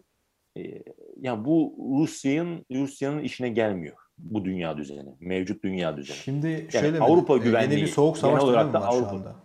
Öyle bir yaş, dönemde mi geçiyoruz? Yeni bir soğuk savaş deneyebilir ama hani o eski soğuk savaştan bence çok farklı, ideolojik anlamda çok farklı bir dünyadan bahsediyoruz. İki kutuplu dünya değil onun haricinde. Yani Çin var, hmm. e, yükselen güçler var falan, Hindistan falan şu bu. Hani tam o soğuk savaş diyebiliriz ama yani birbirinden bayağı farklı soğuk savaşlar bunlar. Yeni bir düzen dönemi. Yeni bir düzen. Yani 90'lı yıllarda Rusya neticede çok hırpalandı. Batı tarafından da hırpalandı. Yağmalandı da yani. Hani oligarklar şunlar bunlar. Hala hani oligarklar şu an değişti. Putin'e bağlı oligarklar ortaya çıktı ama kastettiğim şu e, yani e, saygınlığını yitirmişti 90'larda Rusya. Dolayısıyla birçok alanda geri adım atmak zorunda kaldı. Ama şimdi bu git zaman gel zaman ne oldu? Putin geldi, petrol fiyatları yükseldi, işte ekonomiyi toparladı ilk önce, Çeçen sorununu çözdü. Dün de mesela evvelsi gün şeye soruyorlar, İngiliz e, Dışişleri Bakanı'na sordu Rus gazeteci. Biraz da böyle provoke edici bir soruydu dedi. Siz dedi Çeçenlere dedi çok destek verdiniz dedi Çeçen Savaşı sırasında dedi. Şimdi niye dedi? Onlar da ayrılıkçı dedi. Bunlar da ayrılıkçı Donbas'takiler. Onlara niye destek vermiyorsunuz? Şimdi gidip Kiev'e destek hmm. veriyorsunuz diye. Hani yani İngilizlere öyle bir evet. şey yaptı. Yani o da dedi hakkını arıyor, o da hakkını arıyor dedi yani. Madem orada da o şeyi yapın diye de o da geçiştirdi yani cevap vermedi o konuda. Neyse demek istediğim e, şu şimdi 2000'lerden sonra ne oldu? Rusya biraz ayakları üzerine toparlandı, etti. iç sorunlarını falan büyük oranda hal yoluna koydu. E, yani böyle 90'lar sonrasında 16 tane e, şöyle düşünün 16 federe bölgesi Rusya'nın egemenlik, e, bağımsızlık ilan etmişti ya. Yani hmm. Ural Federal Cumhuriyeti bağımsızlık ilan hatta kendi parasını falan bile basmıştı yani. Anlatabiliyor muyum? Kendi parasını, rubleyi. Yani, evet evet Ural Ural rublesi şey diye Federal Cumhuriyeti rublesi diye geçiyor. Yani şey çoktu böyle sadece biz Çeçenistan'a falan bilirler. Türkiye'de öyle değil yani. Birçok yerde e, bu anlamda e, kesili sesin duyuluyor mu? Yok şu an geliyor bana. Ben de geliyor mu sesin? Evet evet tamam. geliyor. Yani e, dolayısıyla 90'lar o öyle bir felaket bir dönemdi. Ekonomik açıdan da, siyasi açıdan da. Dolayısıyla orada ABD tek kutuplu dünya, Batı falan şu bu ama gelinen noktada ne oldu? 2000'lerin ortalarından sonra Rusya toparlanmaya başladı. Sonra baktı ki Rusya bunlar dedi Yugoslavya'yı işte Sırbistan'ı bombaladılar. Hani NATO müdahil oldu biliyorsunuz neticede e, Kosova Savaşı sırasında. Şimdi mesela bu Rusları Rusları o dönem çıldırttı. İşte Slav hmm. e, tamam e, Miloš, Milosevic e, diktatörün teki yani o başka bir konu yani ama her halükarda NATO Soğuk Savaş sırasında hiçbir zaman böyle bir askeri operasyon yapmamıştı. E, dolayısıyla o Yugoslavya'ya e, 99 yılında yapılan e, e, hava harekatı ve sonrasında Kosova'nın Sırbistan'dan ayrılması 2006 e, sonra bağımsızlık ilanı 2007'de zannediyorum artık ilan etti bağımsızlığını. E, bunlar hep ne oldu? NATO şey yaptı. Yani e, Birleşmiş Milletler güvenlik kararı olmadan yani bize sormadan Yugoslavya operasyon yaptı. Harekat yaptı. Sonra e, Irak'a girdi. Afganistan'a girerken Ruslar da destek verdi 2001 yılında. Hı e, e, hani 11 Eylül olaylarından sonra. Orada Ruslar da hani terörizmle mücadele falan kendi Çeçen sorununda devam ediyordu. O anlamda o ona destek verdi. O da gözünü yumdu Çeçen meselesinde de hani e, Rusya'ya. Ama Af Irak meselesinde e, yalan söylendi neticede. Tony Blair mesela demedi mi? E, Açıklamış sonradan evet. E, kimyasal silah sonradan yok, yok dedi biz hmm. dedi. Yalan, yani fake fake dedi yani ama hani sonra da olan oldu lan. Milyonlarca insan öldü. Bir şey öldü hmm. yani. Ülkenin canını okudunuz yani tamam mı? Bu kadar mı basit yani? Cezalan bir şey yok. Yani Colin Powell o zaman Amerikan e, savunma bakanıydı değil Hı-hı. mi? Çıktı evet. Birleşmiş Milletler işte belgeler burada ha e, şeyi getirmiş neydi o paraşok derler Ruslar. E, yani çamaşır dozu gibi bir şey getirmiş. yani kimyasal madde gibi. Yani, yani şimdi, onu ben hatırlamıyorum. yalan nedir? yani işte şeyi gidip Irak'a hareket tam Saddam Hüseyin e, dünyanın en zalim diktatörlerinden biri. Bu başka bir konu. Şeydi galiba ya. Ama o, e, Savunma Bakanı değil Dışişleri Bakanıydı galiba. Tam hatırlamıyorum. Dışişleri Bakanı değil mi? Evet, evet Dışişleriydi. Evet, evet. evet. Savunma Dik, Dik Cheney'di. Dik Cheney. Hmm. O da ayrı bir, o da neokondu ayrı öbür. Savunma da neokondu yani. Hmm. Ramsfeld'i vardı diğer yardımcısı. Neyse yani ama hani demek istediğim e, Yani yalan söylüyorsunuz ama şu anda mesela değil mi girdi girecek Rusya işte e, işgal etti edecek. E o zaman da yalan söylediğiniz işte şey yaptınız yani. Şu anda mı e, yalan Veya söylüyorlar? İşte şimdi geleceğim uzattım çok da geleceğim. Şu an en Sonra çok yani merak demek- edilen soru şu. işgal edecek mi etmeyecek mi? aynen aynen. Hani Şimdi komik dolayısıyla- değil aslında acı da bir tarafı var ama e, Çok. gerçek bir e, durumla karşı karşıyayız biraz da yani. Artık son noktaya geldi galiba iş. Şimdi bu olmayacağı. ayarlarla bozduğunuz için ayarlarla bozunca e, ilk bozan da orada haliyle Yugoslavya meselesinden şunu kabul ediyorum. E, müdahale etmesi bence de gerekiyordu Batı dünyasının. E, yani çünkü bir bombalıyorsunuz, mahvediyorsunuz yani Kosova'yı. Bosna'da yaşandı bu olay yine benzer şekilde. E, ha, ama bir şekilde orada Rusya'nın da gönlüne alınması gerekirdi zannımca. Yani orada Birleşmiş Milletler güvenlik kararı çıkarılması iyi olurdu. Çünkü ayarı ilk bozan orada Batı oldu. Bu argümanı verdiniz Moskova'nın eline yani tamam mı? Onu bozdu. Sonra Kosova so- Kosova'ya gelene kadar bir de renkli devrimler oldu. Ukrayna'da, Gürcistan'da, Kırgızistan'da falan. Yani bunlar ne oldu? Ne oluyoruz ya Rusya? Ne oluyoruz böyle? Bi- Bize sormadan hem arka bahçemizde hem dünya sisteminde bildiği şeyler e, sürekli geliyor, sınırlarımıza yaklaşıyor falan. Gürcistan son. Dolayısıyla hani 2007 yılına gelindiğinde bu çok önemli bir tarihtir. Münih Güvenlik Konferansı'nda o tarih yani 15. yıl dönümü kutlandı zaten. Kutlandı dedim yani 15. yıl dönümüydü geçtiğimiz günlerde. Evet. Putin Münih Güvenlik Konferansı'nda gidip hani e, açtı e, ağzını yumdu gözünü saydı sövdü yani Batı'ya. Böyle tek kutuplu gitmez olay buna bunu, bunu biz rahatsızız bundan son derece.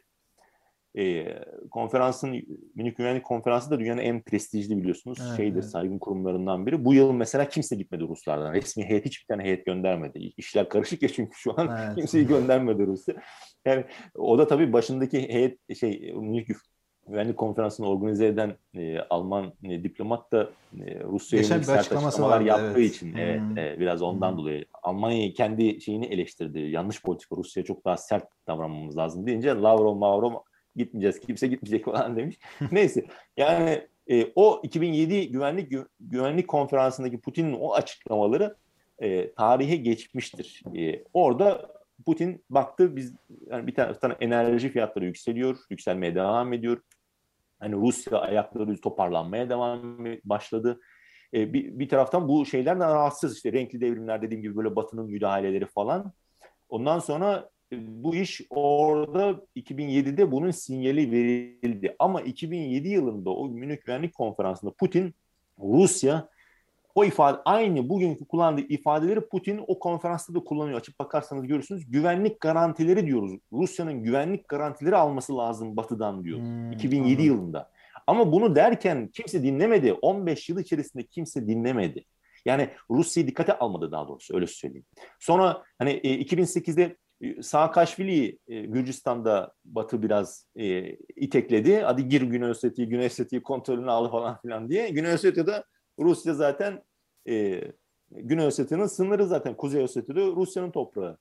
O, zaman Putin böyle şey mi istiyor? gezi- gaza gelip NATO- şey yapınca Rus NATO hiçbir Avrupa ülkesinin güvenliğinden mesul olmasın ya da onlara bir güvence sağlamasın mı istiyor? Yok, Öyle bir şey yok bence öyle düşünmüyor. Bir, bir realite, bir rasyonel bir zemin var. O da şu. e, yani benim diyor çok yakınıma gelmeyin. Yani bu kadar yakınıma gelmeyin. İşte Aralık ayında e, geçtiğimiz 15 Aralık'ta bunu iletti Amerikan tarafına, Batı tarafına. 17 Aralık'ta kendisi açıkladı. İki anlaşma taslağı. Ukrayna krizine paralel gidiyor bu süreç ama Ukrayna'dan da ayrı çok daha büyük bir meseleden bahsediyoruz. Bunun geçmişi işte 15 yıl en az var yani onu. Hatta Hı. 30 yıla kadar dediğim gibi Soğuk Savaş sonrasına kadar götürebilirsiniz. Ama en az 15 yıl Putin aynı ifadelerle Münih Güvenlik Konferansı'nda bunları kullanıyor. İki taslak sundu. Anlaşma taslağı. 8 madde 9 madde biri öyle biri öyle. Hem ABD hem NATO'ya. Dedi burada 3 birçok mesele var da hani 3 kritik asıl daha fazla dur NATO Rusya'ya genişleme e, Rusya sınırlarına doğru genişlemesin. Doğuya doğru genişlemesin. Güneye genişleyin diyor. Git diyor Bosna'yı alacaksan al. Ona da rahatsız olur da hani e, ki bence çok rahatsız olur ondan da hani mesela Arnavutluk üye oldu ya bir şey demedi çok fazla. Evet. Yani işte Karadağ üye oldu falan bir şeyler oldu orada ama yine de engel olamadı ona. Yani git diyor güneye gidebilirsen git ama doğuya doğru gelme diyor. Ukrayna'ya gelme, Moldova'ya gelme. e, şeye gelme, Gürcistan'a gelme Gürcistan, diyor. Tamam mı? Hı. Yani NATO'nun doğuya doğru genişlemesini durdurmak istiyor Rusya.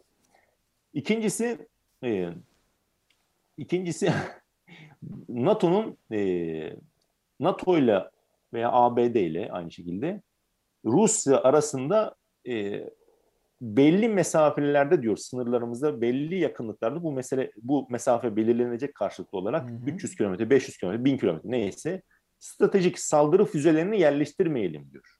Tamam Yani hmm. birbirimizi tehdit etmeyelim. Birbirimizi tehdit etmeyelim diyor. Aslında baktığınızda güzel mi? Güzel bir madde. Yani evet.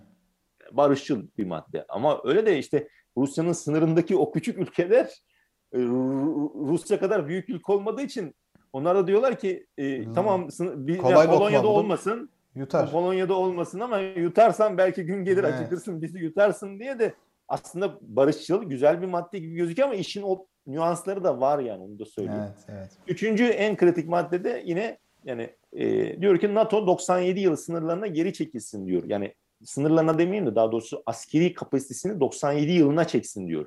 Yani Polonya, Baltık ülkelerine, e, diğer ülkelere diyor böyle ya, askeri şeyinizi arttırmayın diyor. Tamam mı? 97 yılı ne demek? 97 yılı şu demek.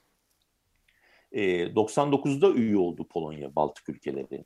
E, pardon, Baltıklar e, 2004'te üye oldular.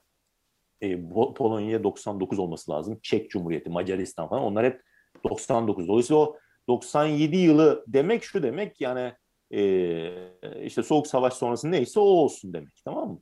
Şimdi yani askeri altyapısı, askeri e, varlığı anlamında kastediyorum. Şimdi bu üç madde de kritik madde değil mi? NATO'nun doğuya doğru genişlemesi, e, füzeler yerleştirmeyelim, e, sınırı belirleyelim 300-500 bin kilometre neyse.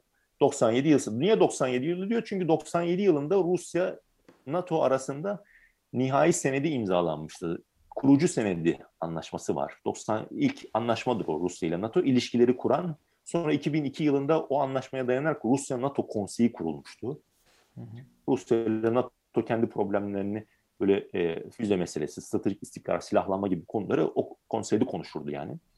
Dolayısıyla e, 2002 yılında kurulmuştu. İşte aktif değil şu an. Yani 2019'da toplandı en son o konsey. Bir bir bir sorun şeyde vermiyor. Yani çalışmıyor. En son kapattılar zaten misyonları karşılıklı olarak geçtiğimiz aylarda. Şimdi dolayısıyla bu şimdi e, bu ne demek? Bu şu demek biliyor musunuz? Yani Rusya'nın sunduğu o teklifler ki bunun içerisinde şunlar da var. E, ABD tarafına ve Rusya'ya şunu diyor. Yani kendi, Rusya kendisi teklif ediyor. Kendi sınırlarımız, kendi ülke topraklarımız dışındaki nükleer silahlarımızı diyor geri alalım diyor. Yani Rusya'nın zaten nükleer silahı yok başka bir ülkede. Yani Belarus'ta bile yok. Dolayısıyla Rusya kendi nükleer silahını bir yerden çekmeyecek. Ama ama Amerika'ya Amerika diyor sen mecbur. Avrupa'dan al, Almanya'dan al, Türkiye'den al, öbüründen al, he, yani İtalya'dan al, nerede varsa al bunları topla diyor, git diyor kendi evine koy diyor. Şimdi bunu niye bunu Amerika kendi çıkarları açısından hani ben alırım diyebilir ama birçok Avrupa ülkesi bir defa e, Rusya'dan çekindiği için yani o maddelerin içerisinde bunlar da var. Tamam mı? Ama e, bunlar, bunların haricinde şunlar da var. Mesela tatbikatlar, e, işte e, tatbikatlar yaparken birbirimize daha şeffaf bilgilendirelim. Normalde Viyana Konvansiyonu var 2011 yılında. 12 bin asker falan olması lazım onun sınırı veya 9 bin olabilir pardon. Yani 9 bini geçtikten sonra sınırdaş ülkeler yani birbirlerine haber vermeleri gerekiyor. Şimdi mesela Rusya 150 bin asker götür. Biz Viyana Konvansiyonu'na uyuyoruz diyor. Mesela ya şimdi 150 binden bence orada 150 binden de fazla. Orada en az 500 bin asker vardır. O ayrı bir konu da. Yani şimdi o zaman işte yani, o, bu ne yani, anlama geliyor işte, yani? Me- mesele şu. Mesele güç gösteriyor Rusya. Bir, şimdi oraya geldim. Asıl e, asıl meselenin ne? Ya da bir şey var. Şöyle bir şey mi olabilir? Yer. Ukrayna'nın belli bir kesimini mi işgal edecek acaba? Tamamı değil de. Öyle bir şey yani mi var? Şimdi benim kafasında? tahminimi söyleyeceğim. Yanılabilirim tamam. ama benim e, tahminim Rusya iş, işgal etmek istemez Ukrayna'ya. Yani e, Ukrayna kardeş halk olarak görüyor. Yani o e, Ukra- Rusya'nın hedefi başka. Rusya NATO ile, ABD ile, NATO ile de değil aslında ABD ile. Çünkü şunu görüyor.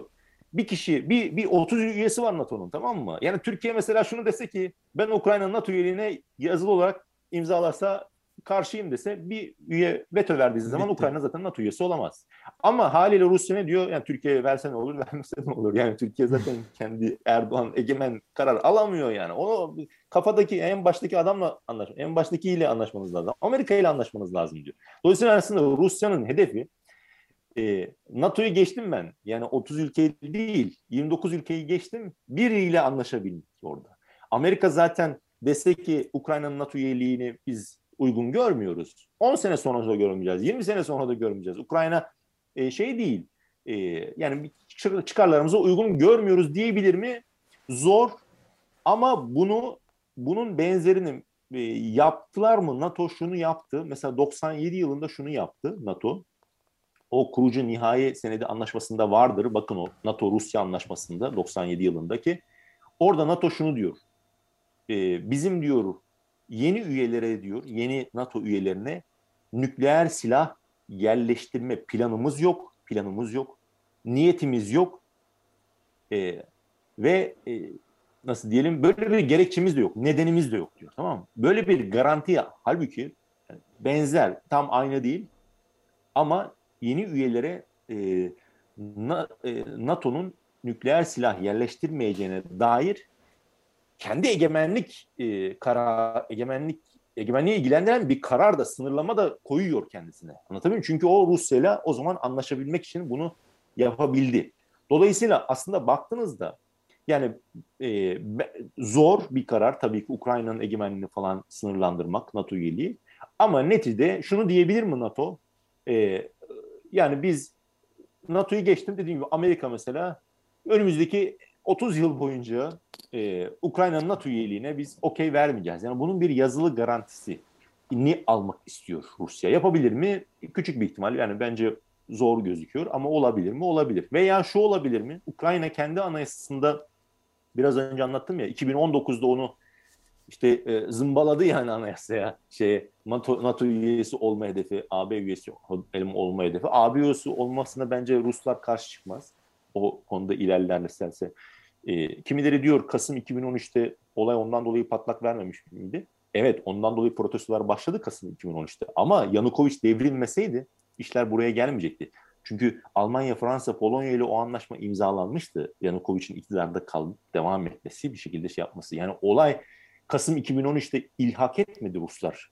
AB'den dolayı e, sırt çevirdiği için Yanukovic AB'ye anlaşmayı imzalamadığı protestolardan dolayı Ruslar gidip Kırım'ı ilhak etmedi.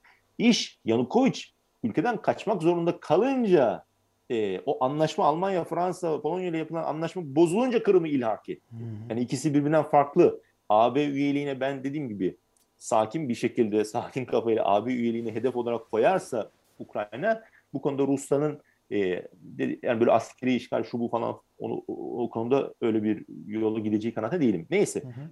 Geliyorum e, e daha bu e, dolayısıyla Rusya'nın o teklifleri güvenlik garantileriyle ilgili meseleler yeni bir Avrupa güvenliği demek değil mi? Yani bu Avrupa güvenlik mimarisi demek. Niye bunu söylüyor? Her ülkenin böyle bir hakkı var mıdır? Bence vardır. Ne diye böyle bir güvenlik mimarisi, bir taslak kafanızdaki şeyi meşru çıkarlarınız gereği böyle bir şeyi sunabilirsiniz. Buraya kadar bir sıkıntı yok. Yani Türkiye'de diyor ya dünya beşten büyüktür. Benim Avrupa mimarisi işte ben mültecileri tutayım. E, siz orada şey olun. E, böyle bir ben de iktidarda istediğim gibi diktatörlüğümü uygulayayım. Tek adamlığımı yerine getireyim. Siz bana karşı Türkiye'nin Erdoğan'ın kafasındaki Avrupa güvenliği mimarisi de bu. Yani neticede de. Yani öyle değil mi? Yani Orta Doğu'nun, dünyanın bütün terör örgütleri, cihatçıları, şunları bunları Türkiye'ye yığılsın. Ben ama iktidarımda kalayım, bana dokunmayın. İstediğim insan haklarını herkese atayım içeri, susturayım. İşte Türkiye'nin de Avrupa güvenlik mimarisinden algıladığı şey bu. Rusya'nın da algıladığı diyor ki biraz önce anlattığım mesele. Dolayısıyla Ukrayna krizinin paralelinde giden böyle bir süreç var. Buna Ruslar mektuplarını gönderdiler. Taslak metinleri gönderdi. Amerika, Avrupa, ABD, e, NATO buna cevap verdi. Verdiği cevaplarda e, bu kritik üç meseleden bunları es geçtiler. Yani ABD ve NATO yani bunları biz diyor konuşmayacağız diyor. NATO üyeliğini diyor sınırlandırmayız diyor yani. E, işte böyle 97 yılını niye çekelim diyor. Zaten Putin sen sen başkanlığın diyor. Beş defa genişledik diyor NATO. Onu da diyor NATO. Yani haklı mı haklı o da haklı. Biz beş defa genişledik diyor yani 91 Soğuk Savaş sonrası 91'den sonra. Dördü diyor Putin sen iktidardayken oldu. Hiçbir şey demedin o zaman diyor NATO'da. Onu hmm, diyor evet, yani. Evet. 99'daki hadi sen değildin e, başkan değildin o zaman diyor ama sonraki Diyor dördü diyor 2004, 2009, 2017, 19 falan olmuşsa Kuzey Makedonya en son evet. katıldı. Hı hepsini diyor senin zamanında yaptık. Dördünde diyor sesini çıkarmadın diyor. Şimdi niye sesini çıkarıyor? Niye sesini çıkarıyor Rusya da? Ben de şimdi oraya geleyim. Evet. E şimdi bakıyor Rusya bakıyor diyor ki ya bunlar diyor Afganistan'dan çıktı diyor. E, Afganistan'dan hmm. rezil bir şekilde çıktı yani Amerika yani. Gitti 20 yıl kaldı terör örgütü olarak gördü. Taliban'a verdi neticede. Yani hani Taliban'ın devrimi ortadan kaldırmak için gitti. Bence çok rezil bir çıkıştı o yani. Çok Tabii. rezildi yani. Yani fenaketti yani. Hal, Ve yani korkunç bu, bir para harcadılar. Bu, bunu bunu konuşturmadı da Batı yani açıkçası. Yani bunu böyle e, mesela Ukrayna krizinin parlatılmasının sürekli böyle 4-5 aydır biz bunu meseleyi konuşuyoruz öyle değil mi? Ukrayna girdi girecek bu iş, Ruslar işgal. Biraz da bu. Ha, burada yani nedir olay? E, baktı şimdi Afganistan'dan çıktı değil mi? E, Biden yönetimi. E, kötü bir şekilde çıktı. Evet. E, batılı ülkelerle danışmadan da doğru düzgün Avrupa değil mi? Danışmadan da çıktı. Bir parçan, parçalanmışlık da var orada. Hani bu bir hani Afganistan'dan çıkışının e, çok e, kötü bir şekilde yönetilmiş olması ve Batı içerisinde çatlakları göstermiş olması. Yani Kaçar NATO içerisinde, AB içerisinde daha net bir şekilde. Tabii bu bir, bir taraftan da şunu e, şunu da ortaya koyuyor e, hani ABD tarafı çıkıyor yeni bir askeri harekat başlatmak ister mi yakın bir zamanda istemez hani belki hatta Suriye'den falan da çıkar mı falan diye hani konuşuluyor değil mi? Duyuluyor değil mi sesim? Heh, yani giriyor, yani o Afganistan'dan yani. çıkışının evet Afganistan'dan çıkışının bir motivasyonu da şu olsa gerek. Amerika yeni bir yerde yeni bir savaşta falan boğuşmak istemez. Amerikalılar daha ziyade Çin'e odaklanmak istiyor. Asya Pasifik'e odaklanmak istiyor. Yani orada Çin asıl stratejik hedef olarak e, baş köşeye konmuş. En son NATO zirvesinde zaten Çin hakkında bayağı bir e, ifadeler de var orada. Artık NATO zaten transatlantik ittifakı olmanın ötesinde artık Asya Pasifik'e de yöneliyor ki bu bence mesela NATO kendi kendisine de bence ciddi zararlar veriyor yani. Bu da antiparantez. Hmm. Hani NATO uzmanı değilim de bu yanlış bir hedef. Ama zaten NATO'yu Batı da NATO Asya Pasifik'e yani. yönlendirmek tehlikeli. Yani NATO içerisinde Portekiz'in Portekiz'i ne ilgilendirir yani Çin tehdidi yani anlatabiliyor muyum? İzlanda'nın yani ne alakası şeyle yani Çin'i niye hedefe koysun yani İspanya öbürü Hollanda yani neyse. Şimdi e, dolayısıyla orada bir şeyi gördü o. İki e, zaten Biden özellikle şu son zaman iç, iç, mesela iç, iç politika falan derler ya Putin işte ya Putin Ukrayna kardeş ülke olarak saydığı ülke orayla savaş açsa Putin'in rating, ratingleri düş şey olmaz yükselmez ki yani. Düş, olsa olsa düşer yani neticede. Bir de yani ekonomik boyutu var bunun. Korkunç bir, bir şey Ekonomik yani. boyutu var, yaptırımları var, bilmem nesi var. Kimisi diyor ki bu şey gibi Kırım veya işte öbürü şu bu. Ya alaka ya bu bu öyle bir şey değil. Putin'in böyle bir şeye ihtiyacı yok. Kardeş ülke olarak gördüğün yer. Orayla savaşman, binlerce insanın belki yüz binlerce insanın ölmesi şu şu. Ya böyle bir şey bu. Yani e, Rusların e, Ruslar şu anlamda destek verir. Yani Batı ile bir mücadele falan yapılan propagandaya göre bu başka bir şey. Devletin zarar görme, hani ülkenin mümkün olduğunca az zarar görmesi için hani haliyle bir iktidarın arkasında dururlar. Ama bu şu demek değil ki yani bu savaştan memnun olur Ruslar. Böyle bir şey yok. Rusya'nın içinde kendi içinde zaten kaç milyon Ukraynalı vardır yani. Bir tanesi de geçen Rus askeri uzman onu yazmış. Yani biz Ukrayna savaşacağız ama kendi içimizde bomba patlatırlar bilmem ne. Yani Ukraynalı milliyetçi de var mıdır? Vardır bunların içerisinde yani. Dolayısıyla gidip diyor ki savaşı diyor kendi evimizin içine niye sokalım diyenler de var yani. Neyse demek istediğim düşen reytingler Biden'ın da düşen reytingleri var mı? Var. E, Johnson'ın da reyting düşmüyor mu şeyi desteği düşmüyor mu e, hiç siyasette koronadan olsun, Afganistan'dan çıkış meselesi olsun, başka meseleler, enflasyon falan yani neticede çok yüksek değil ama hani yükselmiş Amerikan ortalamasına göre yani. Dolayısıyla Dolayısıyla Ukrayna 3-4 aydır Ukrayna, Ukrayna, Ukrayna savaş, Ruslar girdi girecek. İşin bence iç politika kısmı özellikle İngiltere'ye ve Amerika'ya daha fazla yarıyor bu anlamda. Şimdi hmm. dolayısıyla burada Afganistan bir, iki mesela AUKUS kurdu değil mi geçtiğimiz aylarda yine. Ne yaptı? Amerika, İngiltere e, tarafı Avustralya ile birlikte işbirliğine gidip o Fransa'ya büyük bir kazık attılar yani. Bu kadar basit. E, bunun tercümesi bu. Dolayısıyla o batı içerisinde bir çatlak var mı? Var. Belli var. zaten. Yani bu çatlak önceden de vardı ama şu son zamanlarda daha fazla belli oldu. Dolayısıyla AUKUS'un kurulması, işte Kuat var yine kuruldu. E, Asya Pasifik yani Çin'i çevreleme bağlamında kurulan ittifaklar bunlar. Five Eyes yine var. Beş istihbarat Hı-hı. örgütü. Anglo-Saksonların e, Çin'e yönelik e, meseleleri yani. Dolayısıyla bu Avrupa'yı rahatsız ediyor mu? İşte stratejik otonomi falan Macron deyip durdu falan NATO'nun beyin ölümü bilmem ne değil mi? Avrupa Birliği stratejik otonomiye sahip olsun bunun devamını getiremedi falan ama demek istediğim bu çatlaklar şu son 6 aydır, 8 aydır, 1 yıldır daha fazla yüz, su yüzeyine çıktı mı? Çıktı. Bunun haricinde bir de 2007'de olmayan e, yani burada şimdi şöyle oldu. 2018 e, yılından sonra özellikle e, Rusya'nın geliştirdiği silahları artık kendi envanterine alması da bu Sirkon füzeleri işte dediğim gibi Kalin Avangard, Kinjal bilmem başka başka böyle tuhaf isim sarmat füzeleri falan böyle yok.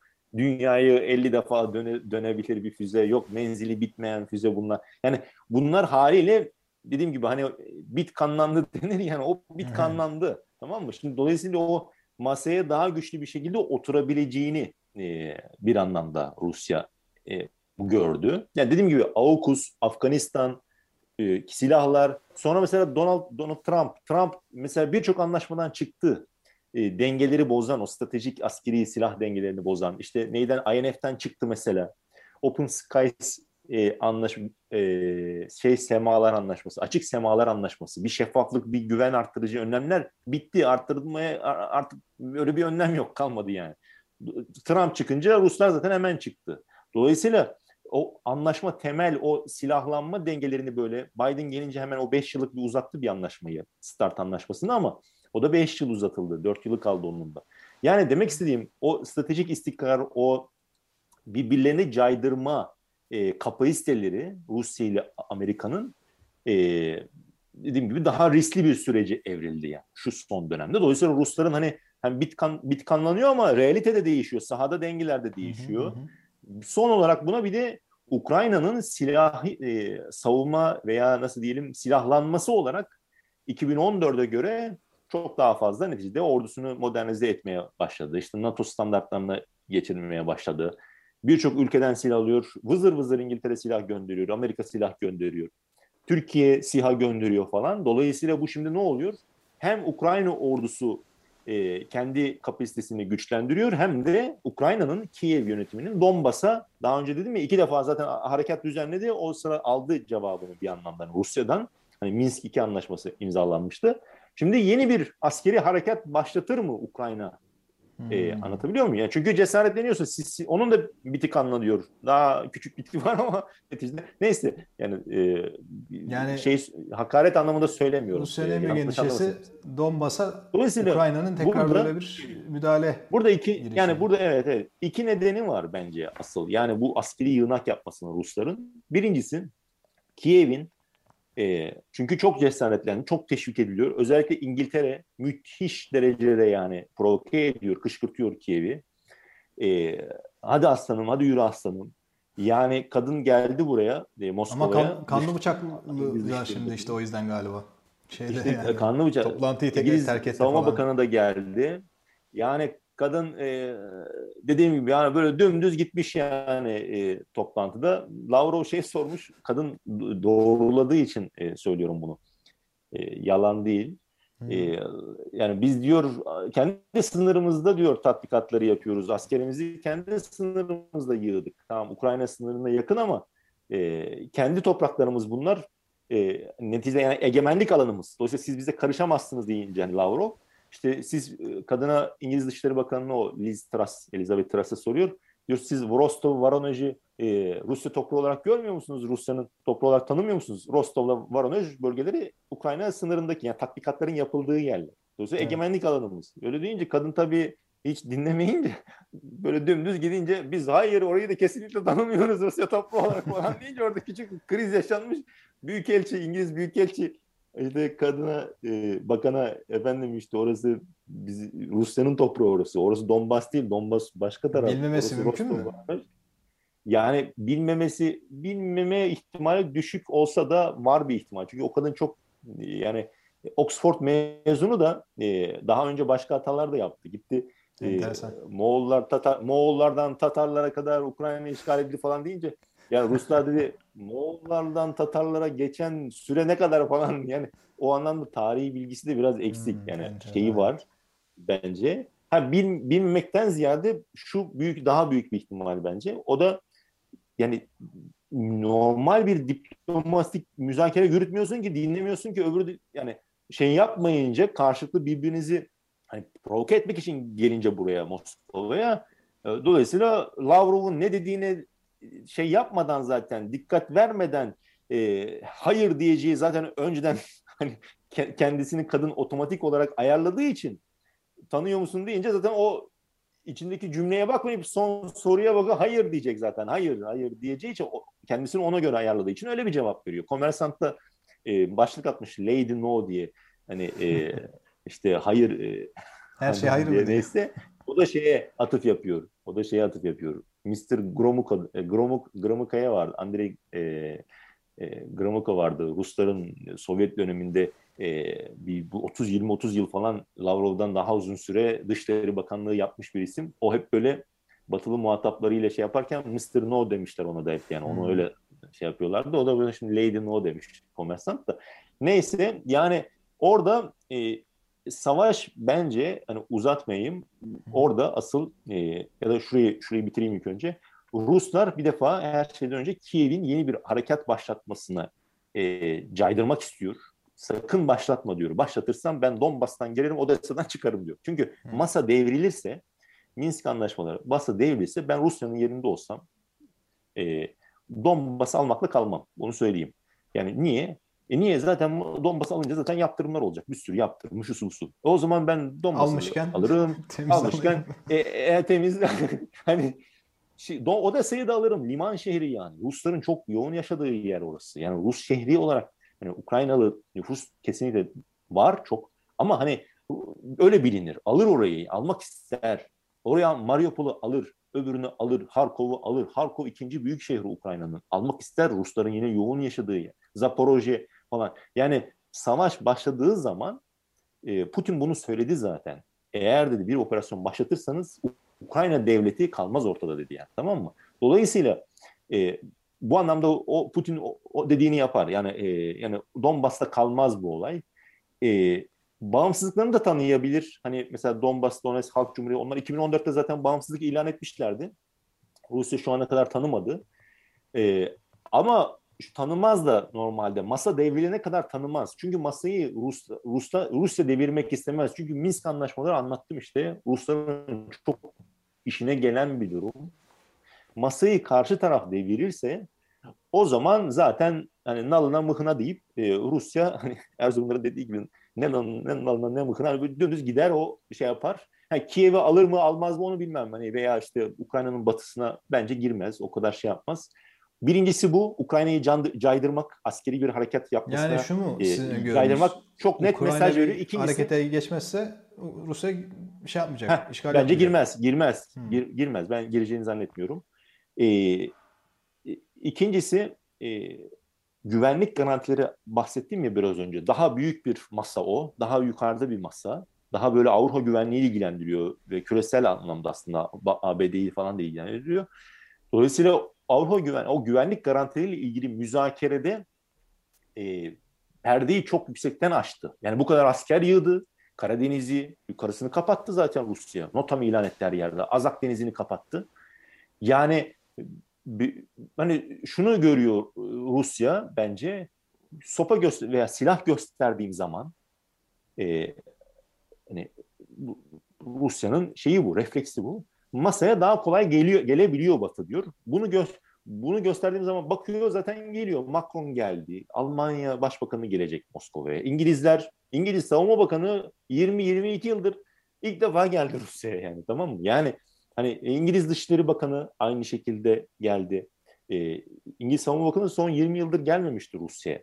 Dolayısıyla e, hoş ben onun onların gelme dediğinin daha fazla Rusya'yı kışkırtmak olduğunu düşünüyorum. O başka bir husus da. Yani e, bir diplomasi çalışıyor. Normandiya formatı bu. E, liderlerin danışmanları toplandılar. Evvelsi gün tekrar toplandılar. 9 saat görüştüler. Bir şey çıkmadı. 8 saat görüşmüşlerdi ondan önce 15 gün önce. Ama Minsk 2 anlaşmalarını da Ukrayna uygulayamıyor, uygulamak da istemiyor. Niye? Çünkü uygulasa zaten iktidar değişir orada. Millet sokağa çıkar. Milletçiliği çok arttı. Bütün partiler karşı çıkıyor. Yani bir iki böyle bir iki haricinde böyle karşı çıkıyor. Yani onun haricinde yani birçok sağcı, radikal diyebileceğimiz Ukrayna milliyetçisi de çok fazla e, toplumda yani yaygınlaştı bunlar. Dolayısıyla orada protestolar yani iktidar değişikliğine neden olur orada bence. İlk Minsk'i o anlaşmaları uygulamak istese. He, tarafsızlık statüsünü mesela geri getirebilir mi Ukrayna hani e, anayasasına? Bu konuşuluyor. Yani 2019'da dedim ya onu güçlendirdi, zımbaladı falan. Acaba eski şeyine Ukrayna tarafsızlık ama bunu da yapması kolay değil. Ama bunu şarta bağlayarak belki yapılabilir. Hani ben yine de küçük bir ihtimalle olsa ona veriyorum.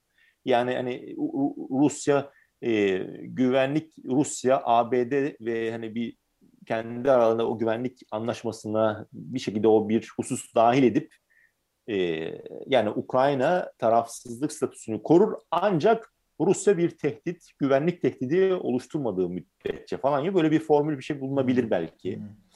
E, yani çünkü anlaşma metninde ABD tarafının verdiği cevapta şu var. E, NATO tarafının verdiği cevapta Ukrayna'ya e, stratejik saldırı füzelerinin yerleştirilmemesiyle ilgili Rusya ile müzakerelere açığız gibi bir şey var. Yani o devam ettirilebilir. Orada bir kapı var bence. Tam bütün NATO e, üyelerinden e, o askeri ekipmanın geri çekilmesi değil, Ukrayna'yı kastediyorum. NATO üyesi olmamasına rağmen.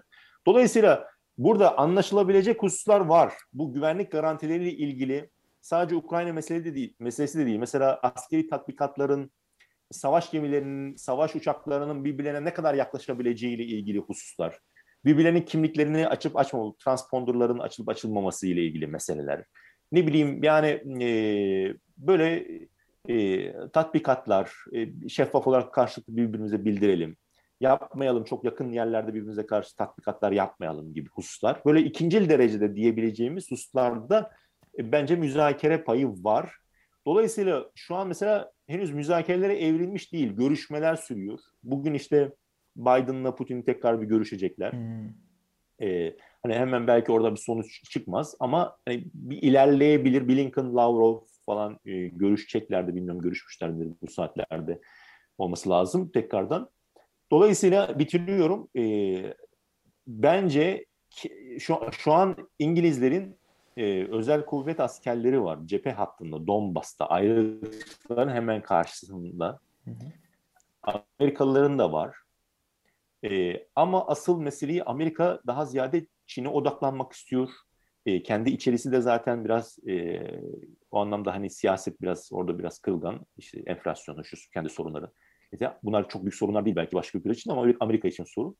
E, ben Amerika'nın daha ziyade dediğim gibi Ukrayna'da savaşı e, yani İngilizler yapabilirse bu işin altından kalkabilirse onlara havale edip ede, edebilirler. Yani e, yani İngiltere ben bu işi altından kalkarım. Orada bir savaş çıkarıp hem Rusya'yı Ukrayna'ya karşı savaştırırım. Bu müthiş bir trajedi olur iki halk içinde. Evet.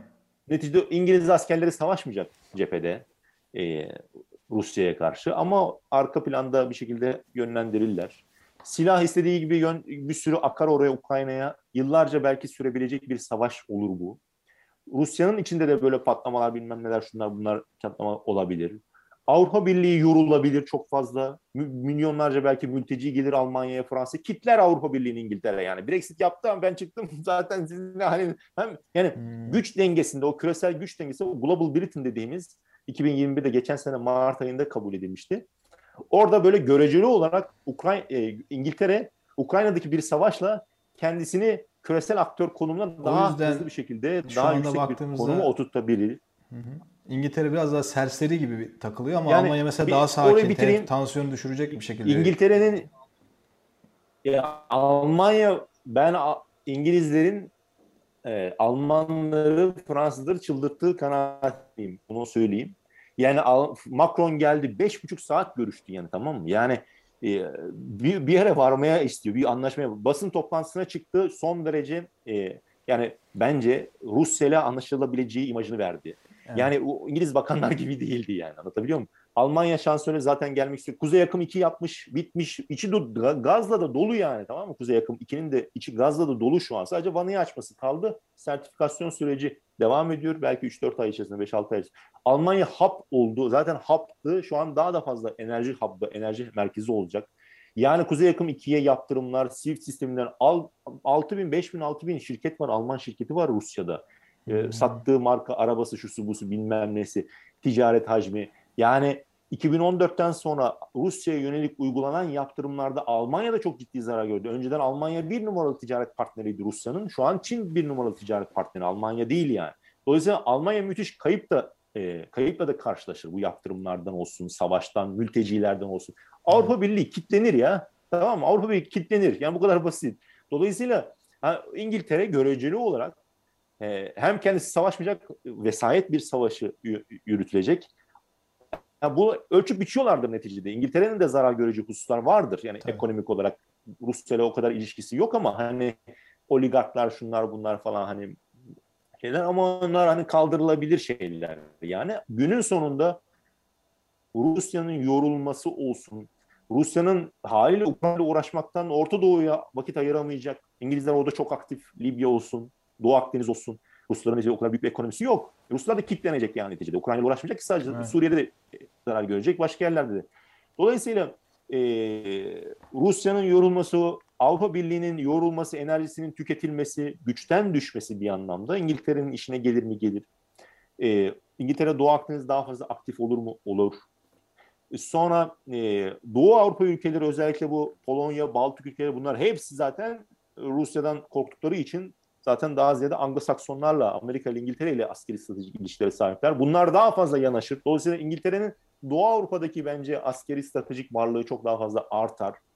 Enerji dediğim gibi son dakika gaz... daha var. Türk Dışişleri Bakanlığı da açıklama yapmış. Vatandaşlarımızın Ukrayna'nın doğu sınırındaki bölgelerde mecbur kalmadıcı seyahat etmekten imtina etmelerini tavsiye ediyoruz. Yani biraz daha yumuşak bir uyarı gelmiş Türkiye'den de. Bir de doğu, doğu, doğu sınırları. Evet o da önemli. Biraz yani. daha savaşa da yakın ateş attı. Hmm, evet. Yani e, bitiriyorum. O üç Doğu Avrupa ülkelerinde İngiltere, Amerika'nın şeyi dediğim gibi askeri stratejik varlığın artması. Enerji konusunda doğalgaz ABD yönetimi sıvılaştırmış doğalgaz satıyor zaten çok yüksek miktar. Türkiye'ye de mesela çok fazla yüksek miktarda şu son yıllarda sıvılaştırılmış doğalgaz satıyor. Bakın yani zannediyorum şu an hatta Amerika Rusya'dan sonra ikinci veya üçüncü olabilir. Ee, yani Türkiye'nin doğalgaz aldığı yer. Yani düşünün Amerika'dan geliyor sıvılaştırılmış doğalgaz çok pahalı boru hattına göre çok pahalıdır sıvılaştırma. En az 4-5 kat fark eder. Yani bir 200 dolar, 300 dolar Ruslardan alıyorsanız siz sıvılaştırmış doğalgaz şu an zaten 1000 1200 dolar falandır yani. E, dolayısıyla şimdi Rusya payını kaybederse Kuzey Yakım 2'ye yaptırımlar olursa Rus petrolüne diğer Kuzey Yakım 1'e yaptırımlar olursa belki yine o da olabilir. Dolayısıyla Rusya %30 35 37 falan payı var Avrupa piyasasında, e, gaz piyasasında bu pay düşer. Ruslar gerizekalı mı yani? Yani bazıları diyor ki mesela Rusya gazı keser. Ya Rusya Ukrayna savaşırken niye Avrupa'ya gazını kessin? Adam satıyor oradan para kazanıyor zaten. Yani Ruslar Amerika e, istiyor bunu daha çok. Defa, Almanya defa, yani mantıken diye. zaten niye kessin? O gidip Almanya ile savaşmıyor ki Rusya yani. Affedersin evet. hani gerizekalı mı? Ma, para kazanıyor oradan. Hem de ne kadar para kazanıyor? Bütçesinin yüzde kırkı, e, ihracatının yüzde ellisi e, petrole gaza dayanıyor hem para kazanıyor hem de bir defa gaz kestiğiniz zaman öyle zaten bir defa itibar e, kaybına uğrarsınız. Güvenilir tedarikçi imajınız müthiş zarar görür. Yani böyle bir e, bence e, Rusların dediğim gibi o zaman... bir aptallık yapacağız. Ama o Amerika'nın, İngiltere'nin işine gelir. Çünkü Avrupa piyasasının gaz piyasasında müthiş pay elde ederler. Çin'in Beşincisi, de aynı uzattım. şekilde. E, Çin'in ne anlamda gaz Yani aslında? şöyle e, gaz değil de genel anlamda yani işgal olduğu takdirde he, he, kazananlar anladım. arasında aslında bir numaralı Çin gözüküyor sonra İngiltere da, görece işte. Gözüküyor. O da Tayvan'a Tayvan'a evet. bir yani eğer hani Rusya'nın gidişatlarına göre bakar o da Tayvan'ı e, kontrolünü almak isteyebilir. Öyle bir yan etkisi olabilir. Evet. Beşincisi de özellikle kıyıdaş olmayan bu Karadeniz'deki ülkeler ve en başta da İngiltere, Amerika e, rahatsızlar. Erdoğan'ın ben Montreux'u sürekli gündeme getirmesinin arkasında biraz onu düşünüyorum. İngilizler geçen sene de hatta sizde program yaparken e, demiştim o zaman e, Amerika savaş gemisi göndermedi durdurmuştu o zaman da Ukrayna'da gerginlik artmıştı. Ukrayna şey, İngiltere gidip gönderdi yani e, savaş gemisini. Montreux'u esnetip veya değiştirip güncellemek istiyor. Çünkü Montreux sınırlamalar koyuyor. Kıyıdaş olmayan ülkelerin gemilerine, savaş gemilerine hem gün hem tonaj şeyi koyuyor. Bu o ülkeleri rahatsız ediyor. E, do, ama yeni bir Montreux'ün güncellenmesi kesinlikle bence Türkiye'nin zararına olur. Çünkü 36 1936 şartlarıyla masadan kalkamaz Türkiye. Yani bunu Erdoğan kendi iktidarı için bunu yapar o değişikliği yapar. O başka bir konu ama Türkiye'nin müthiş zararına olur. Hı hı. Ee, orada savaş çıktığı zaman zaten Ruslar dediğim gibi Odessa'ya falan da girerler. Bilmem. Karadeniz'deki güç dengeleri değişeceği için Montreux gündeme gelir zaten. Dolayısıyla hani çok uzattım. Özür dilerim. Ama e, dediğim gibi bence Kiev bir askeri harekat başlatmadıktan sonra Ruslar girmek istemez. Zannetmiyorum. Yanılabilirim küçük bir ihtimal ama zannetmiyorum öyle söyleyeyim. Samimi inancım o. Hı hı. E, ikincisi güvenlik garantileri meselesinde Ruslar mümkün olduğunca e, işte dediğim gibi yüksekten açtılar. E, silah gösterince, asker gösterince masaya daha kolay, daha hızlı bir şekilde oturtabileceğini düşünüyor Rusya tarafı Batı'yı. Sanki Özellikle biraz başardı ABD bunu. yönetimini. E, biraz da ondan dolayı bu kadar asker yığdılar. Bence bunu bir ölçüde başardı. Henüz nihayete ermedi. Çünkü dediğim gibi 15 yıldır Rusya bu konudaki rahatsızlığını dile getiriyordu. Bir sonuç alamıyordu, duymuyordu kimse. Şu an güç kullanmadan, güç göstererek, güç göstererek e, masada kazanmaya bakıyor Rusya. He, kazanıp kazanamayacağını gör, kazanamayacağını göreceğiz. Biraz daha beklemek lazım. E, savaş tellallığı yapan e, ekip daha ziyade Anglo-Saksonlar yani, Geçen sene de söylemiştim bu meseleyi. Yani Anglo-Saks Anglo-Sakson orada da İngiltere liderliği çekiyor. E, siyasetini ben eleştiriyorum. Siyasetini eleştiriyorum. Ama o da ona da şapka çıkarıyorum. Çünkü çıkarlarına müthiş uygun. Ben İngiltere'nin yerinde olsam o savaşı ne, ne yapar ne eder o savaşı orada çıkarttırırım be, onu söyleyeyim. Hmm. E, o savaş e, orada bir savaş İngiltere'nin müthiş işine geliyor. Ve ben günün sonunda da hani onu da son bitireyim. Evet. O savaşı çıkartacaklarını düşünüyorum. Onu da antiparantez hani söyleyeyim. O orada bugün olmasa şekilde, bile son, bugün olmaz. 6 ay, hmm. 3 ay, 1 yıl bilmiyorum. Yani hatırlarsanız belki yine sizinle Karabağ Savaşı'ndan sonra demiştim ben Ukrayna kızışacak demiştim. Geçen sene Nisan ayında kızışacak. E, burada bir karışıyorlar burayı. Evet. E, şey yapıyorlar. Yani bu, bu, bu yani sonra işte Kasım ayından beri hala devam ediyor. Bu meseleyi konuşuyoruz. Yani orada önemli olan onun zamanlamasını iyi yapması İngiltere'nin. Yani e, ne zaman, nasıl, ne şekilde, ne nereden yani onun zamanlamasını iyi bence hesaplamaları gerekiyor. Ama günün sonunda ben orada bir e, çok büyük ihtimal öyle söyleyeyim bir savaş e, çıkartılacağını e, Anglo-Saksonların dediğim gibi yani özellikle İngiltere'nin çıkarmak isteyeceğini düşünüyorum. Ruslar zaten Donbas'ı kontrol ediyor. Niye çıkarsın? Gere yani böyle bir ihtiyacı yok bence rasyonel temeli yok. Zaten Donbas onların kontrolünde. E, Minsk 2 anlaşmaları, Minsk anlaşmaları genel olarak Rusların zaten işine geliyor. Onlar uygulandığı zaman zaten Rusların işine geliyor. E, bir gerekçe Ukrayna'ya da nükleer füze vermedikçe, siz nükleer silah yerleştirmedikçe de Rusya'ya karşı bir savaşı kazanabilmesi mümkün değil. Dolayısıyla evet. yani baktığınız zaman e, yani dediğim gibi bir rasyonel temeli yok. E, Ukrayna kardeş ülke savaşmasının Rusya'ya bir getirisi bence yok. E, bir de bir de şu son bir cümle e, Ukrayna'yı güven, cezalandırmasının yine bir anlamı yok aslında baktığınızda. Burada Rusların derdi Batı'yla, ABD ile, NATO ile derdi. Hmm. Yani mesela siz Ukrayna'ya girdiniz. Bir velev ki aldınız hızlıca da kontrol ettiniz Ukrayna'nın bir kısmını. Tamam da diğer maddeleriniz yani zaten duruyor. Yani bütün NATO'ya ilettiğiniz, ABD'ye ilettiğiniz güvenlik garantili ilgili meselenin hepsi masada duruyor ki yine hiçbirisi uygulanmamış olacak ki. Ukrayna'nın hepsini kontrol altına alacaksınız. Yanı başınızda Ukrayna'nın batı bölgesinde diyelim Rusya düşman bir devletin ortaya çıkması, e, mini bir devletin ortaya çıkması günün sonunda Rusya'nın işine mi gelir? Hayır. Yani günün sonunda o maddeleri savaş sonrası tekrardan Rusya gündeme getirmek yani durumunda. Yani o maddeler Ukrayna'yı cezalandırmayı değil, Rusya'nın talepleri, o güvenlik garantili ilgili talepleri Ukrayna'yı cezalandırmayı değil, Batı'yı, ABD'yi, NATO'yu masaya oturtturmayı gerektiren talepler. Anlatabiliyor muyum? Dolayısıyla vereceği tepki Rusların işgali günün sonunda kendi hedeflerine ulaşmasına e, ulaşmasını sağlayan e, bir sonuç doğurmayacak, doğurmaz yani. Çok uzattığım için özür diliyorum tekrar tekrar ama mesele biraz evet, böyle. Son, son olarak şöyle bir şey diyebiliriz herhalde. Ben en azından şu an için öyle görüyorum. Ee, galiba bu saatten sonra işgal olmasa dahi ki ümit ederiz öyle bir işgal olmaz anlaşma yoluna giderler. Olmasa dahi artık Ukrayna'nın ve ve dahi belki Gürcistan'ın o NATO üyeliği falan hikaye olduğu gibi gözüküyor. Zor. O, o zaten zordu. Yani, yani 10 yıl, önümüzdeki 5-10 yıl için yani onu kimse zaten öngörmüyor. Ama ben bir şey söyleyeyim. Burada evet. şu son aylarda yapılan e, özellikle e, yani Batı medyasına, Batılı think tanklere, düşünce kuruluşlarına olan benim hani e, güvenim vardı yoktu ayrı bir şey ama gerçekten e, şey yapıyorlar. Müthiş dezenformasyon yaptıkları da var. Ruslar da yapıyor. O, o konuda Ruslar da yapmıyor demiyorum ben. Yapıyor kesinlikle. Ama çok fazla e, yani e, dikine gitme, e, meseleyi böyle kaşınma yanlış biliyorlar. Yani Rusya'nın e, refleksleri, e, şeyleri e, işte bahsettim yani e, biraz önce. Yani öyle bir cezalandırmayı gerektirmiyor. O başka bir level'da başka bir müzakere yürütmek istiyor Rusya tarafı. Ama son yine bir şey söyleyeceğim.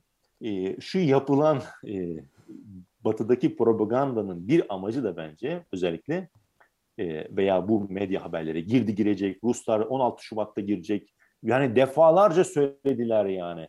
E, Kasım'da girecek, hava kararmadan girecek, hava aydınlanmadan girecek. Yılbaşı öncesi, yılbaşı gecesi girecek. Yılbaşında Batılılar uyur, Ruslar ayaktadır, gider onlar şey yapar, girerler.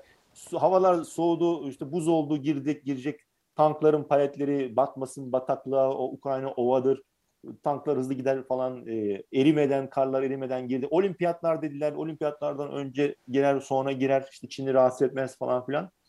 E, ben yine de dediğim gibi bir Kiev bir hareket başlatmaktan sonra gireceğini düşünmüyorum. Ama hareket başlatmanın da ötesinde orada bir e, yani o false flag dediğimiz hani bir yalancı bayrak operasyonu var. Yani Rusya yaptı dersiniz. Yine yani onu ben size ispat edemem zaten. Yani e, Rusya gir, girer yarın diyelim girdi. Niye girdi der Rusya? Kiev bir hareket başlattı veya şey öbürü de diyecek ki aynı bu Azerbaycan Ermenistan savaşı kim başladı hmm. kim başladı? O kim başladı kim başladı? O nereden bileceksin? O cephe hattında bulunmam lazım benim yani. Orada bulama ama mantıken argümanlarımı ilettim zaten yani biraz önce anlattım. Bu argümanları ele aldığımda Rusya'nın girmesi için bir ben neden rasyonel bir gerekçe göremiyorum. Yoksa günün sonunda yine diyecek ki Ruslar girdi. E tamam da onu sen başlattığın için girdi o oraya olacak yani bence. Hmm. Ama bunu ben ispat edemeyeceğim. O ayrı bir şey. Bir ee, yorum var onunla ama, alakalı. Ama son bir hmm. bitiriyorum. Yani günün sonunda böyle girdi girecek girdi 5 aydır 3-4 aydır değil mi? Kaç aydır konuşuyoruz. Şu imajı verdi mi Batı? Yani şapka çıkarıyorum özellikle İngiltere. Ee, girmese bile girdi. Orada bir savaşın suçlusu her halükarda dünya kamuoyunun %98'i yani Rusya suçlu. Yani bu, bunu kabul evet. edecek. Yani bu tezi kabul edecek bir defa. İngilizce medya, şu bu yani bütün dünya her gün e, İngiltere vatandaşları çıkarıyor bilmem e, veya dedi Rusya darbe yapacak. Yevgeni Muradov'u dedi koyacak oraya dedi. Yevgeni Muradov'u Rusya'da duyan adını duyan yok, eden yok tamam mı? Adam dedi ben dedi İngilizleri mahkemeye vereceğim falan dedi. İngiltere mahkemelerine vereceğim dedi adam. Yani şimdi böyle kafadan uydurma. Yani bu, bu kara propaganda. Rusya'yı sevip sevmemeniz hiç önemli değil. Mesele e, dediğim gibi objektif yaklaşmak. Mesela Kazakistan'a da gitti asker gönderdi değil mi? Orada bir düzeni hani kurdu etti falan. Rusya diyor ki askerlerimiz geri geldi. Hani 15 gün falan kaldılar orada değil mi? E, geri geldi diyor tamam mı? Duyuruyor. İşte şey de diyor Kazakistan e, kolektif güvenlik anlaşması örgütü de diyor. Yani gönderen de diyor çıktı diyor. Gönderen örgüt de e, içinde Ermenistan askeri var, Kırgızistan askeri, diğerleri, Tacikistan hepsi. O da diyor ki evet diyor askerlerimiz çıktı diyor. Kazakistan ev sahibi de diyor askerler diyor Rus askerleri de gittiler hepsi de gittiler diyor. Ev sahibi de gittiler diyor ama hala yazanlar, çizenler, konuşanlar var. Diyor ki ay yine Ruslar orada asker bırakmıştır, kalmıştır. Ya kardeşim ev sahibi bile askerini aldı gönderdi diyor tamam mı? Adam zaten düzenini kurmuş. Ha, Rus askeri var mıdır? Vardır. Çünkü üstleri var, başka üstleri var. O anlamda var. Hani Kazakistan'da Rus üstleri yani poligon askeri atış poligonları var, bilmem ne var. Baykonur üssü var. O başka bir konu ama e, dediğim gibi o sokak protestolarını bastırmak, öyle bir asker tutmasına gerek yok. Zaten artık düzen kuruldu. Dediğim gibi ev sahibi gönderdim diyor askerleri geri gönderdik. Gittiler onlar diyor ayrıldılar diyor. Öbürü diyor gönderdik gittiler. Çektik askerlerimiz diyor. Ama hala millet millet dediğim yani işte bazı e, tipler yani şey diyor yani böyle bir anti şeye gerek yok. Sev, sevmemeniz başka bir şey. Bir de rasyonel gerekçeler var. Hani demek istediğim benim şu 3-4 aydır yapılan özellikle son e, bu e, medya propagandası olsun, şu olsun, bu olsun verdiği imaj Yani e, ben Rusya'yı bilmesem ben de inanırım. Yüzde, yani dedim yüzde 98 evet. zaten orada psikolojik olarak direkt inanıyorsunuz psikolojik yani. ben dünya kamuoyu zaten hazır. Rusya kabullendi zaten. Yani, hmm. Daha doğrusu Rusya girmiştir. Yani Rusya başlatmış. Halbuki bunun iç yüzü biraz işte anlattığım gibi bence diye düşünüyorum. Peki çok teşekkürler. Evet. Uzun ama güzel detaylı A'dan Z'ye bir Rusya-Ukrayna krizi programı oldu. Türkiye'yi tutmadık ama o önemli değil artık çok uzattık şey değil. Hani Türkiye'nin arabuluculuk şeyine sağlanır. ben ihtimal vermiyorum. Ee, evet, umarız evet evet yani zaten şu an masada bile yok yani Putin'le görüşecek Putin gidecek Türkiye falan dendi bir ara ama o hiç şey oldu belirsizliğe dönüştü. Bu, bu, bugün nerede gitmez bence. evet, yani. yani onu Lavrov da en son söyledi. İngiliz Dışişleri Bakanı ile basın toplantısında e, direkt bence açıkça söyledi onu yani imanın ötesinde biraz şey yaptı. Yani dedi, siz dedi e, bizi suçluyorsunuz girdi girecek girdi girecek diye 3 aydır 4 aydır dedi. Hı. Siz dedi diplomatlarınızı şunları bunları çekiyorsunuz dedi yani sürekli. Hı. Yani dedi yani biz duruyor duruyoruz orada 3-4 aydır duruyoruz dedi kendi topladık. Acaba dedi Anglo-Saksonlar mı direkt böyle isim verdi yani. Siz mi dedi hazırlıyorsunuz dedi orada bir film hazırlıyorsunuz da e, yani bizi savaşa sokacaksınız. Yani siz bir saldırı bir şey. Çünkü özel kuvvet askerleri var. Yine Şaygu mesela dün açıkladı dedi. Direkt yüzüne söyledi o kısmını. Basın e, aldı orayı. Dedi biz de şunu merak ediyoruz. Britanya niye hala oraya özel kuvvet askerlerini gönderiyor? Bu, ne kadar daha kalacaklar orada dedi yani. Tamam Şimdi dolayısıyla burada 300-500 asker bilemem bunun sayısını ama orada neticede yerel aktörleri de harekete geçirebilirsiniz. Orada komutanı bilmem şunu bunu falan. Yani o cephe hattındaki ille Zelenski ile anlaşmanız da gerekmez. Andrei Yermak'la anlaşırsınız, öbürüyle anlaşırsınız. Genelkurmayı zaten Valeri Zaluzhny var mesela. Adam Genelkurmay Başkanıydı Ukrayna'nın. E, dedi ben dedi e, şeyde Kızıl Meydan'da dedi, tankla yürümek istiyorum dedi. Arbat'ta dedi girmek istiyorum tankla dedi. Yani o buranın Rusların şeyi. Tamam şimdi böyle tipler zaten hazır. Tamam mı? O cephe hattında ayarlarsınız bir şey.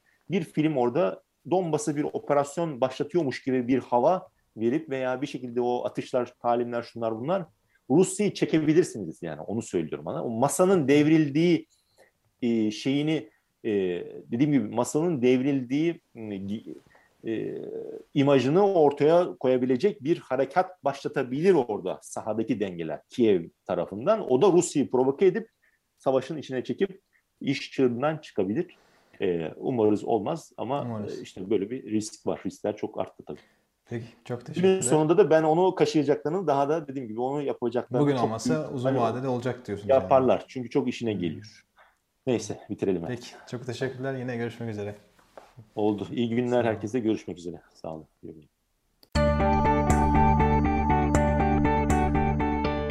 Ahval podcastlerini tüm mobil telefonlarda Spotify, SoundCloud ve Spreaker üzerinden dinleyebilirsiniz.